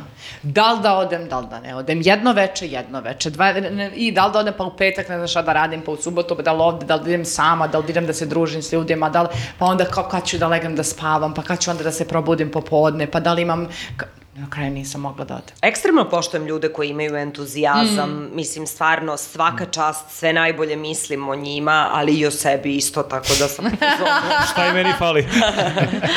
pa jeste. Pazi, sve je legitimno, ok, ljudi koji dalje imaju entuzijazam da idu po festivalima i koncertima, super, ali kao ja sam sad baš u fazi da bih mogao da gledam ono, bilo koji bend ono, u, u sedećoj pozi, u nekom udobnom Da. sedištu. Jeste. Neka bi mogao da te helikopter spusti negde u... I da te vrati I da kući. te vrati, da, da to bi bilo idealno. ali u VIP. Uh, ali meni... Ali VIP je mnogo daleko, kad bi Ja- mo- VIP bio malo bliže. Ali Ja ovo samo- je bilo blizu, ali moram Pa- da kažem, samo saznanje da ja znam da mogu da se okrenem i da sednem, mi je mnogo pomoglo. Majke mi moje... Prekrasno, prekrasno. Jer A kao- htela si, videla Ja- sam da kažeš ko neke babe, ja sam to videla, pa sam ti iskusno uskočila, Neka, neka. ali... Pa zato što ne mogu, e, ja još uvijek nisam došla u fazu da mogu to da obgrlim tako i da budem u miru s time, nego se i dalje nešto kurobecam, a u stvari meni mnogo prija. Da znam da mogu da malo Ma. zasednem, pa da popijem, pa da se raskladim, pa da Sve ustanem, pa lepo. da vidim, pošto nismo ni, visoke da- nešto, pa od ozgore lepo sve vidim. Jeste, što kažu englezi, moraš da ownuješ to. Jeste, znaš koliko je bilo lepo, čak sam Svoju, primetila... svoju nesposobnost za koncert. Prestani. Znači, ne, ali znaš koliko je lepo, brate, mogu da vidim, pa vidim i kako je uh, gitar, pa ovako komentarišemo, vidi kako gitariska, džus- e, gitarista Đuska s no- nožicama nešto radi. Sve smo uspeli ne, da bre, vidimo. To je, Da, da, pazi, pa taj da. trip, meni je to super. Ja sam gledao pre par godina u KC gradu je bio, ja mislim, uh, koncert Chelsea Wolf i ok, ona je takva, mislim, uh, da ne, mislim, nije to koncert za džuskanje i ne znam šta. I oni su lepo stavili onako stolice, nekoliko redova i tu, ono, mislim, nije bilo mnogo ljudi. I kao dođeš, lepo sedneš na stolicu, odgledaš uh, koncert, onako gospodski, skroz možeš i piće da naručiš, izađeš, vratiš se kući, sve cool. Tako da sam ja bio tada u fazonu, meni je ovo baš prije. Jeste, a Bukvalno bih Ona- mogao da- Inače, ona ima jednu od mojih omiljenih pesama sa Laneganom, ovu... Ona je, da, da, ona je sjajna, mislim, Da. to je, tad je gostovala, ne mogu se setim kako se zvala ova, i- imala je neku kolaboraciju sa još jednom pevačicom, ali sad mi stao mozak, ne mogu se setim, ali tad je sa njom zajedno gostovala i to je bilo super, ono, baš lep doživlj. Isto je kratko bilo nešto oko sat vremena, ali to, kao nisam se iscimao uopšte, Ne, mi smo se iscimale, boga, mi smo vozile, ali vi ste imali taj problem. ima, Dobro, dosta ali sve je vredelo. Volim što govoriš o množini da ste vozile, pošto čini mi se Teodora da je Teodora vozila. Teodora je baš vozila i samo je ona Ti ne vozila. voziš, ne da? vozim, Zato ali... super kaže da smo vozile. Ali uh, može da potvrdi da sam bila sjajna suvozačica. Znači, tako sam vodila, svega sam par puta pogrešila skretanje, ali odmah sam se ispravila i vraćale smo se nazad. Samo smo otišli do Maribora. malo. Ja sam i jako ponosan na tebe, ovo je stvarno herojski čin. Jeste i stvarno sam srećna što sam bila i na tom koncertu, jako divno iskustvo i kao prilika da čujemo njih jer kao kad, kad bismo imali negde, negde šanse jer nisu bili u blizini Čekaj, negde. zar nisu oni bili, Bili su oni u Beogradu ranije. Beogradu, Da, da. Bili su pre Zar to nije bio National godina. pre... National nije bio nikad. Na Kalemegdanu, ono? E, Jeste, mislim A da. to su bili oni. Kališ je bio, da. Ja onda mešam njih i National, nebitno. Svako nije ko, bre bio eto, National. brat, pa nije, kažem, ja živim u ubeđenju da je National u stvari Ne, ne, ne. Interpol. Bože, jako se posvađate. A Ovo je kao dijalog iz neke loše serije, znaš, da ubijemo dva minuta scenarija. Ali dobro, snađemo se, izguramo ga na kraju, nema veze. Eto, tako da, a, ako niste do sada, obratite pažnje na Interpol, to je stvarno jedan super band. A, I ako imate priliku da idete na koncert, idite. Što da ne? Dobro, lepo. Da, mi mogu se ja nadovežem. e, Ja sam mislio da pre- pričam o nekom albumu koji slušam e, ovih dana, ali zapravo, pošto sam bio na Bruce Springsteenu pre nekoliko dana, to je toliko veliki e, utisak da mislim da je ono skrnavljen da pričamo o bilo čemu drugom. Bio sam u Beču na koncertu i ono je stvarno jedan od, pa top tri koncerta u mom životu, ako ne i na prvom mjestu, stvarno, ne, ne, nestvarno. I to je potpuno sad meni neverovatno, baš sad iz ove perspektive što kažeš ka, koliko su i Black Keys svirali u Hamburgu, koliko su Interpol svirali na Krku. Bruce Springsteen ima Što, s- tri sedam- sata. 73 godine, 2.50 je svirao. Svaka čast. Pritom je on svirao ranije po 3 po 4 sata, pa sad kako je ušao neke godine smanjio na 2.50. Ali pritom, ono što je meni potpuno neverovatno, a i što on sve vreme na bini, što nema te momente kao što ne znam, ono Axl Rose, on ode iza, Ode pa ga nema ovi so- 20 minuta, slash da. solira 20 minuta. Ne, on je sve vreme na bini i ne samo što je sve vreme na bini, on nema pauze među pesama, nema ono kao... Malo da se popričamo. How you're feeling, but are you having Nema a good time? Balašević moment. Pesma se završava, nije gotova, one, two, three, kreće sledeće, i sledeće, i sledeće. I tako veže 5-6 pesama bez sekunde pauze, pa onda bude pauza na 5 sekundi. Pritom ja ne znam, ne mogu da tvrdim, ali mi se čini da čovjek nije uzeo gutlje vode ili gutlje piva ceo koncert. Ja se malo plašim njega On je, sada. on je menjao krv kao Stonsi.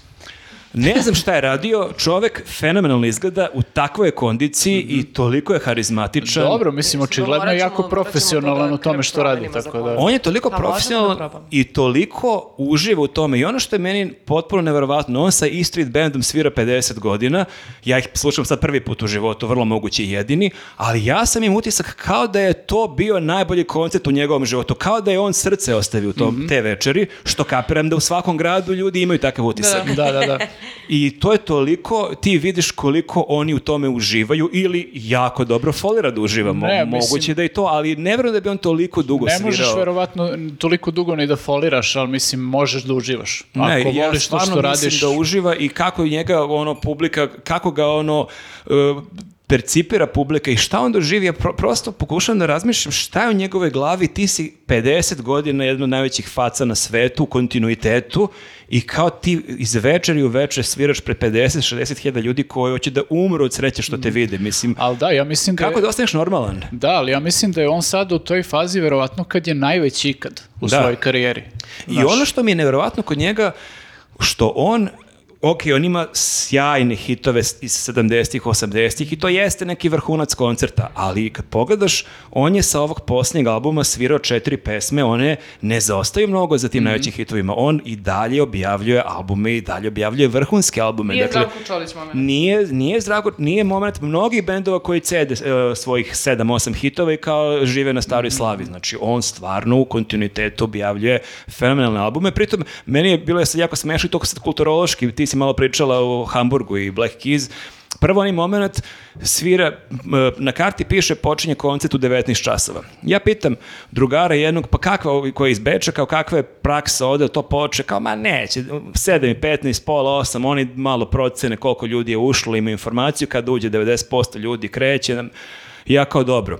Približavamo se sada stadionu i sad kao javni prevoz u Beču funkcioniše super i s čim ja računam, ali ne računam da će na stanici gde treba da presedam na autobus, pored mene biti još 200 ljudi koji čekaju taj isti autobus jer idu na koncert. Ko bi rekao? Tako da, da, ko bi rekao stvarno. Tako da ja ne uđem u taj prvi autobus, ja ulazim u drugi, ali kao okej, stižem par minuta posle sedam, znači opušteno.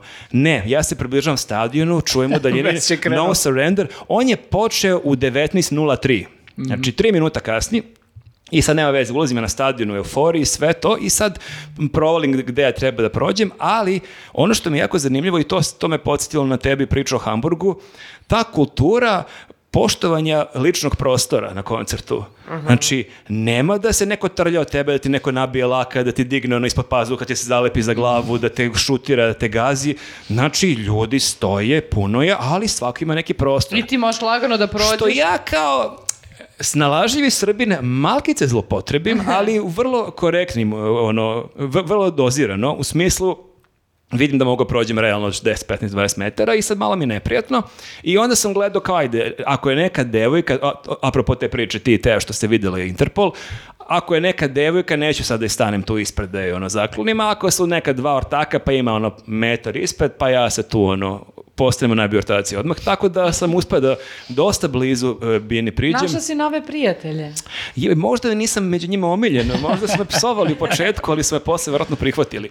Pa. Tako da stvarno, ne znam, toliko je to bilo emotivno, toliko je opet nevjerovatno kako on uspe da, njih je 16 na bini, ako sam dobro izračunao, i on tako uspe da napravi spektakl, znači potpuni spektakl gde od 26 pesama koje je izvodio, jedno 10 pesama se završavaju onako katarzično, Da, da, da, epohalno, aha. znači ta, tu gde može kraj, tu je još minut, dva ludila i solaža i ponavljanja i to podigne na takav neki neverovatan, spektakularan nivo, a onda krene u neke tako emotivne pesme, River ili neke pesme sa ovog posljednjeg albuma, je dve pesme posvetio svojim nekim preminulim prijateljima, gde meni knedlu grlu, gde pomišljam da ću da se rasplačem i na, na bisu, što je najluđe, za malo se rasplačem na jednu jako veselu pesmu, jer kreće bis, tu počinju najveći hitovi i kad krenuo Dancer in the Dark, taj početak, ja sam toliko bio euforičan, ja neko nestvarno mi da tu pesmu čujem i da sam tu i da gledam njega i ceo bend i bukvalno osti kako mi se pune oči suzama i sad pomisle, a što je najveći baksus, taj bis osvetljava, reflektori osvetljavaju publiku, da on kao vidi publiku. Ja rekao, brate, šta ako krene da cmizdrim još tokom neke najveselije pesme? Da, i onda ova dvojica likova te Marko, prebiju zato što ne, plačeš. sam- svoje osjećanja, sam, u redu je plakati. E, imao Tako sam, kažu i u imao sam, Barbie. imao, jest, pa da sam zna- gledao Barbie bilo bi mi lakše. Imao sam naočare za sunce u džepu i on sam pomislio, rekao, mogu bih kao najveći ludak kao krenem da plačem, stavim naočare za sunce, kao jedini lik, kao da sam na dance areni od četiri ujutru. Da, da, da. Je u Odradio ga eksterna suze. Tako da stvarno, ne, ne, ne mogu- nemam reči da opišem kako on zvuči, A kakav mu je rekao glas. si jedan od tri omiljena koncerta, najbolja na koga si bio kao Da. druga dva. Pa druga dva su ovako, znači Metallica prvi put u Beogradu, tad sam stvarno bio onako jako u toj priči, evo, ne, vidim da i dalje ima tu majicu. Nenad je i dalje. Nenad je i dalje Njega ta priča vozi. 25 dosta godina. dugo. Nenad ne izlazi iz pričice. Metallica u Beogradu je stvarno bilo ono ludilo, to E, mi jeste, to, to to, je mi lupalo srce na početku, jer kao baš nisam mogao da verujem da Metallica do, je došla u moj grad. A drugi Stone Roses na Sigetu, jer opet mi to Aha. bili isto avantura. Mislim, uvek je sigurno to i ti možeš da potvrdiš, kad putuješ na neki koncert imaš još dodatni hype, jer nekako to nije samo odlazak u Beogradsku arenu na, ne, na Tašmajdan, Čekaj, a nego... Prodigy 2005. na sajmu. A, Prodigy na sajmu mi nije toliko prijelo, ali na, na Exitu mi 2007. bilo Meni ludilo. Stvarno? Da, da, ovo mi je, meni je ovo bukvalno bio jedan od najvećih događaja u životu. To je toliko bila neka A nenormalna bilo je nešto, nije bilo vazduha, bilo je ona hala, čak nije ni bila najveća ne, hala. se sećam seća. za vazduh, druže, dragi, znači bilo je... O vazduhu pa sam počela da razmišljam u poslednjih pet godina. Meni je Prodigy, da, 2007. na Exitu bilo baš ludilo. Kad su krenuli ludo, da. početak, ono, Dare Law, ono, to je bila, bila valjda prva pesma. i Jeste, to, da, ono, to je bila ludnica potpuno. Da. Da, ali da, dobro, dobro je bio Prodigy. Meni je taj bio, onako, ostao mi baš u pamćenju i ovaj drugi na sajmu, kad je bilo. To je bilo isto, ne Koji znam, drugi ko- na sajmu? ne znam koja je to godina To bila. je 2005. E, to je 2000, To ne, je taj. e, ovaj prvi je bio 96. kad beše. Ne, prvi je bio 95. Da, da. u Hali Pionir. E, nisam ovaj, da, da, e, pa to je taj, Taj, taj da, zapravo, to je bilo meni isto potpuno ludnica, Mhm. zato što je to bilo toliko onog uh, stage divinga i skakanja i ljudi na masi, ludo. ono, baš je bilo, mislim, ja sam pogubio sve ljude sa kojima sam Isto, krenuo, isto, ono, sad kad si pričao o u prvih personal pet space, minuta, ono, tako tu je da. bilo, tu, tu je Ma bilo svega, samo nije bilo personal space-a, ali je bilo ono... Ne, energija je bila ono stvarno na maks, tako da, Da, baš je bilo. Je bio zanimljiv uvek u- u- publika koja njih gleda kod nas, mislim da je to najsličniji publici koja je recimo vola Sunshine, što ti tu imaš i metalce, i repere, i rejvere, Jeste, i, jeste, da. ljudi, i punkere, da. ljudi koji ne, slušaju neku muziku, imaš Ali vole miks Prodigy, da. svega i svima bude ludilo provod. To je ono, ono meni bilo uvek kod Prodigy zanimljivo. Jeste, Ja sam kad sam, ja sam kad sam, ju.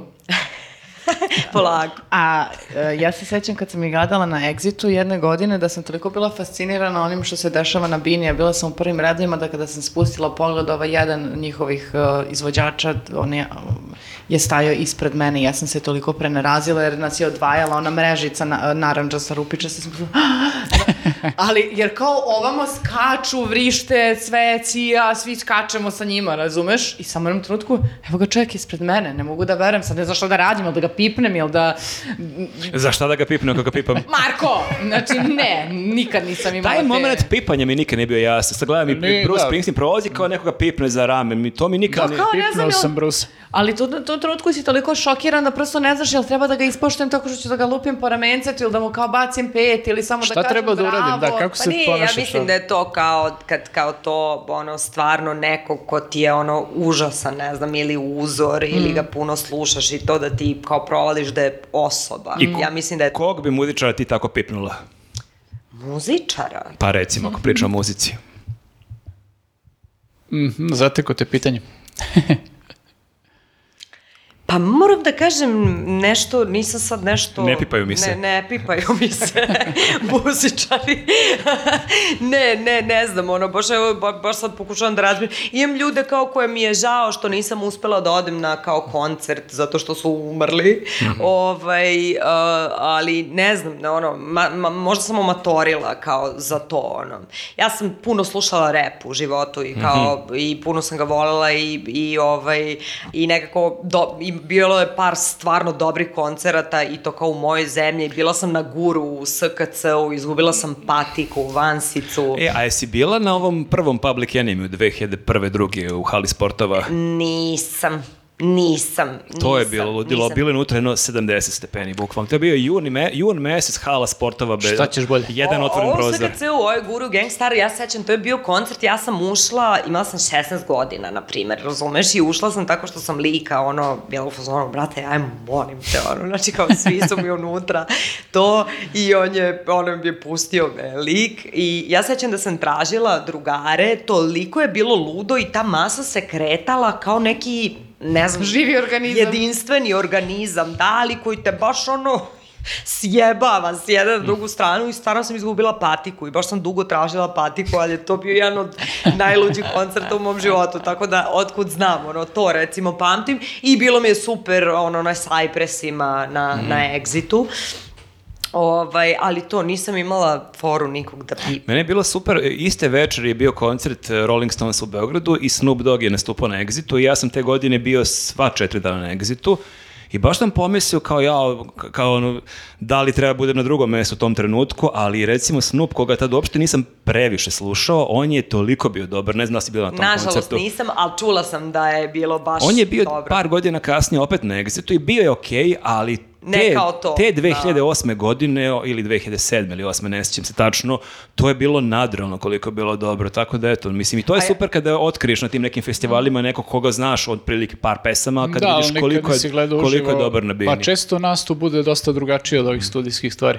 Ja, kad- ja sam bila baš mala kad smo išli na Rolling Stones, zato što su mama, tat- mama i tata poveli i mene i sestru. I Milena je bila još manja. Mislim da je bila, intervjuisali su je na TV-u kao dete, ono, ovo lično. I, i, ali to su, na primjer, neke situacije koje nikad neću zaboraviti. Taj, uh, taj veliki jezik kad krene da se puni kao ogromna neka instalacija koja kreće da palaca i u tim, u tom momentu ti ovako gledaš to ogromno i kreće bina da se odvaja i oni samo ovako plove kada, u tom, u tom fan pitu i ti si u fazonu jebote, živi. E pa to viš, jedina stvar koja bi me sada možda kao odvela na koncerte je da vodim decu Mhm. svoju. To, to, bi mi, to bi mi bio dobar trip. Da kao ono idemo ono sa ono malom decom. Da, da vidiš da, njihov doživljaj. ono. Da, da, ja, da. ja, kako imam čerkice od 7 i 9 godina, prvi put smo bili na koncertu sad nedavno, pre par nedelja, i da prestaje, Lolo Brigida su imale svirku u silosima i mnogo je bilo lepo i baš mi je bio divan taj osjećaj kako je njima super, pogotovo što često u kolima kod kuće slušamo pesme pa i znaju neke tekstovi, na kraju su se i slikale s njom, popele se i na binu, tako da je, mislim nisu samo one bio je tokom posljednje pesme bile ono 30 ljudi na bini, tako da da, ima nečeg u tome, mada da, ne znam sad e, i dalje bi bio malo strah da ih vodio na neke jako velike koncerte, ali krivo mi recimo što ih na Bojana Vuntorišević nismo vodili, tu mislim da nije bila tolika strašna gužva u Amerikani, bilo je podnošljivo, Pa što A- znam, mi smo bili na ovim baš masovnim, mislim, na Ušću smo gledali i Madonu i, i Stonse i tata je ono, bukvalno seća se Koliko si skupali. rekao da imaju godine, izvini? 7 i 9. Ma, brate, to je cool. Ma da. Ja mislim da je to već cool. Pa ne, sad već jeste, da, da. Pa koliko je Milena, koliko je to godine bilo? Milena 98, znači ona je imala možda 6-7 godina.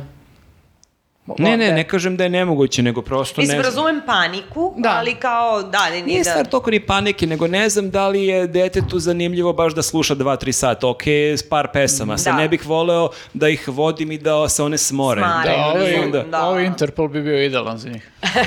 Čekaj, Sat i ili to je 15, i da. nekako kako ih ti pripremiš, mislim, sada znaj da objasniš detetu da će ići na to, da će to trajati toliko, da može da sedne dole na tvoje noge ako se umori, mislim, razne su sistemi u kojima se može se izdržati dva sata, ali nekako News mislim... podcast, najbolji podcast o roditeljstvu. Deca na koncertu. Dobro, Nenade, Uh, ja nisam u ove dve nedelje bio ni na jednom koncertu, ali sam se prijavio za pre-sale za jedan koncert. Taylor Swift. Ne. Ajde, nećete pogoditi nikad. Uh, Coldplay. Opa! Da. Gde? Uh, u Budimpešti sviraju sledeće godine. Dobro. Uh, pre-sale uh, počinje u ponedeljak. Mislim, to će vjerojatno raz- biti razgrabljeno za tri sekunde, tako da ako budem uspeo da uzem kartu, a sviraju u Budimpešti, u a, Rumuniji i ne znam koji je treći termin ovdje u okruženju A blizu. čekaj, izvini, kako se prijavljaš? Ti već, već moraš da si registrovan kad puste, ne mogu ja tek tako da banem, nego... Ne, ti, on, mislim da to ovde nešto ranije obaveste u odnosu na ono kad pustite zvaničnu kartu Aha. u prodaju, pa kao i tu moraš da budeš brz da kupiš i na pre-sale kartu, jer to kao baš ti daju objašnjenje, nije garancija da ćeš dobiti stvarno kartu, Kao nego repertoar za pozorište. recimo, da. Jeste, jeste. to, E, to je jedan od redkih bendova koje ja ne mogu da smislim. Ja, meni je to ono Pa kao... ali novi albumi ili stari? Pošto ja Ja pravim uopšte razliku. nešto, znači ne vajbujem dobro. A dobro, devojka je reperka, Da. tek sad kapiram. Ja onda- volim sve od njih, tako da pa, nadam se da ne, ćemo da uspemo ne. da dođemo do karata. Mogu ja da se prijavim, pa onda možemo Idi da... na njihov sajt, imaš ono, ovaj, baš su objavili tu informaciju za pre-sale, prijavi A se. se znaju cene karata? Ne, ne, još uvek. Mislim, Da, ne to je, znam. to je problem što stvarno ti koncerti se rasprodaju, rasprodaju za ono 5-10 minuta online i onda imaš samo preprodavce. Baš kod Taylor Swift, baš sam vidio sad da će ići tri večeri za redom u Beču, i koja je baš da bacim pogled to, ono, porodično da idemo deca, najjeftinije je 500 evra, od 500 do ne znam, 1100 Ajde, evra. marš, bre. Ne, meni je ovo jedan od koncerta. Pa Te stvarno, baš uvredilo ovo. Pa Pa mislim, stvarno.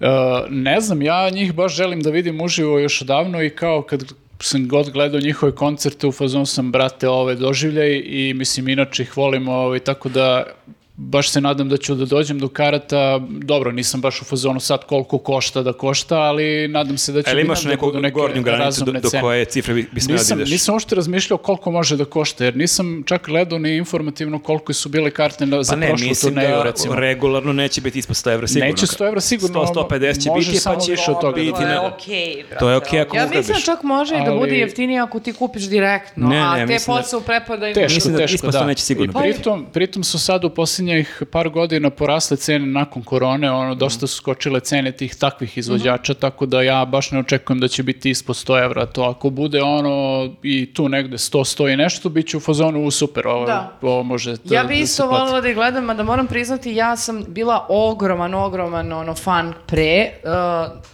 do onog albuma Speed of Sound ili tako Mhm. nešto, da je taj, uh, posle toga kad su krenuli s ovim nekim dobošima i bojama i ono Rijana, ono, mislim, Mhm. okej mi je ta pesma, ali generalno nešto, taj ceo uh, fazon u koji su ušli mi nije odgovarao, zato što ona prva tri, prva tri, četiri albuma koje su imali, meni je to, ono, Parachute. Meni, Cold da. Cut to the Head, uh, uh, uh, šta je posle, bilo je još dva Da, neka. oni su tu bili onako malo još alternativniji, ali meni nekako i na tim albumima i na svim ovim uh, kasnijim uh, sve vreme imaju tu jednu njihovu vezivnu ono, Mhm. ovaj, kako da nazovem, tačku koja, to je taj neka, neka njihova melanholija koja mi je ista i na tim alternativnim albumima i na ovim kasnijim, tako da ceo taj vibe mi se ono i dalje Ja samo sviđa. želim da ti e, dobiješ kartu, baš ti to želim, ali da odeš u majici Metallica, jer sad sam na Bruce Springsteenu video lik koji je stavio nedaleko od mene u majici Harry Rollins. Tako da je Što to da ne, kao, da, to kao je- ja sam ovdje, ali srcem sam ipak malo tvrđi. Naravno, naravno, čisto da se zna, ono statement. A, Ovaj, ja, u- uh, a? E, Da, uglavnom e, vidjet ćemo, mislim, da li, ću do, da li ćemo doći do tih karata, ali ovaj, e, rekao sam, kad je bila prošla turneja, propustio sam ono, baš tu kupovinu karata, jer su karte otišle nešto u roku od odmah.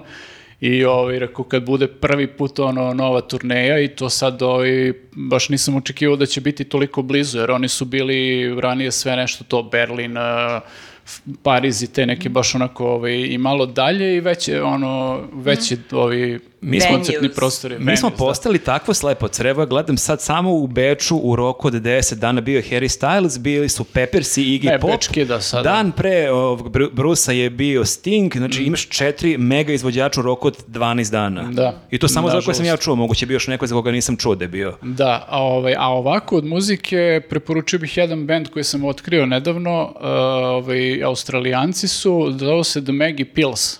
I ovaj, ne čak sam ih i ja propustio jer postoje tipa možda neke tri godine. Izdali su nekoliko ovaj, EP-eva i sad su izbacili novi album. Uh, zapravo zašto pričamo o njima? Zato što su klinci uh, porasli, ono, nove generacije klinaca su porasle i otkrili su grunge i celu tu alternativnu scenu 90-ih i to je potpuno ludilo kakve, kakvi bendovi sad postoje mlađih uh, generacija koji su potpuno u tom fazonu.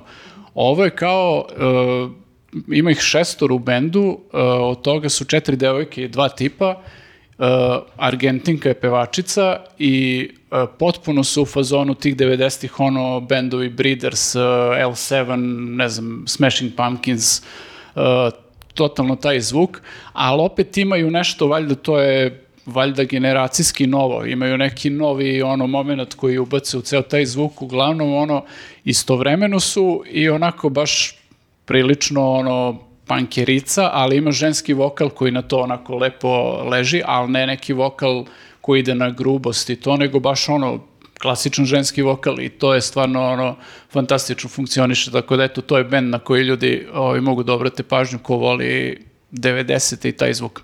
E pa lepo. A, jesi ti imala neki komentar još dodatni? Nisi slušala nešto zanimljivo?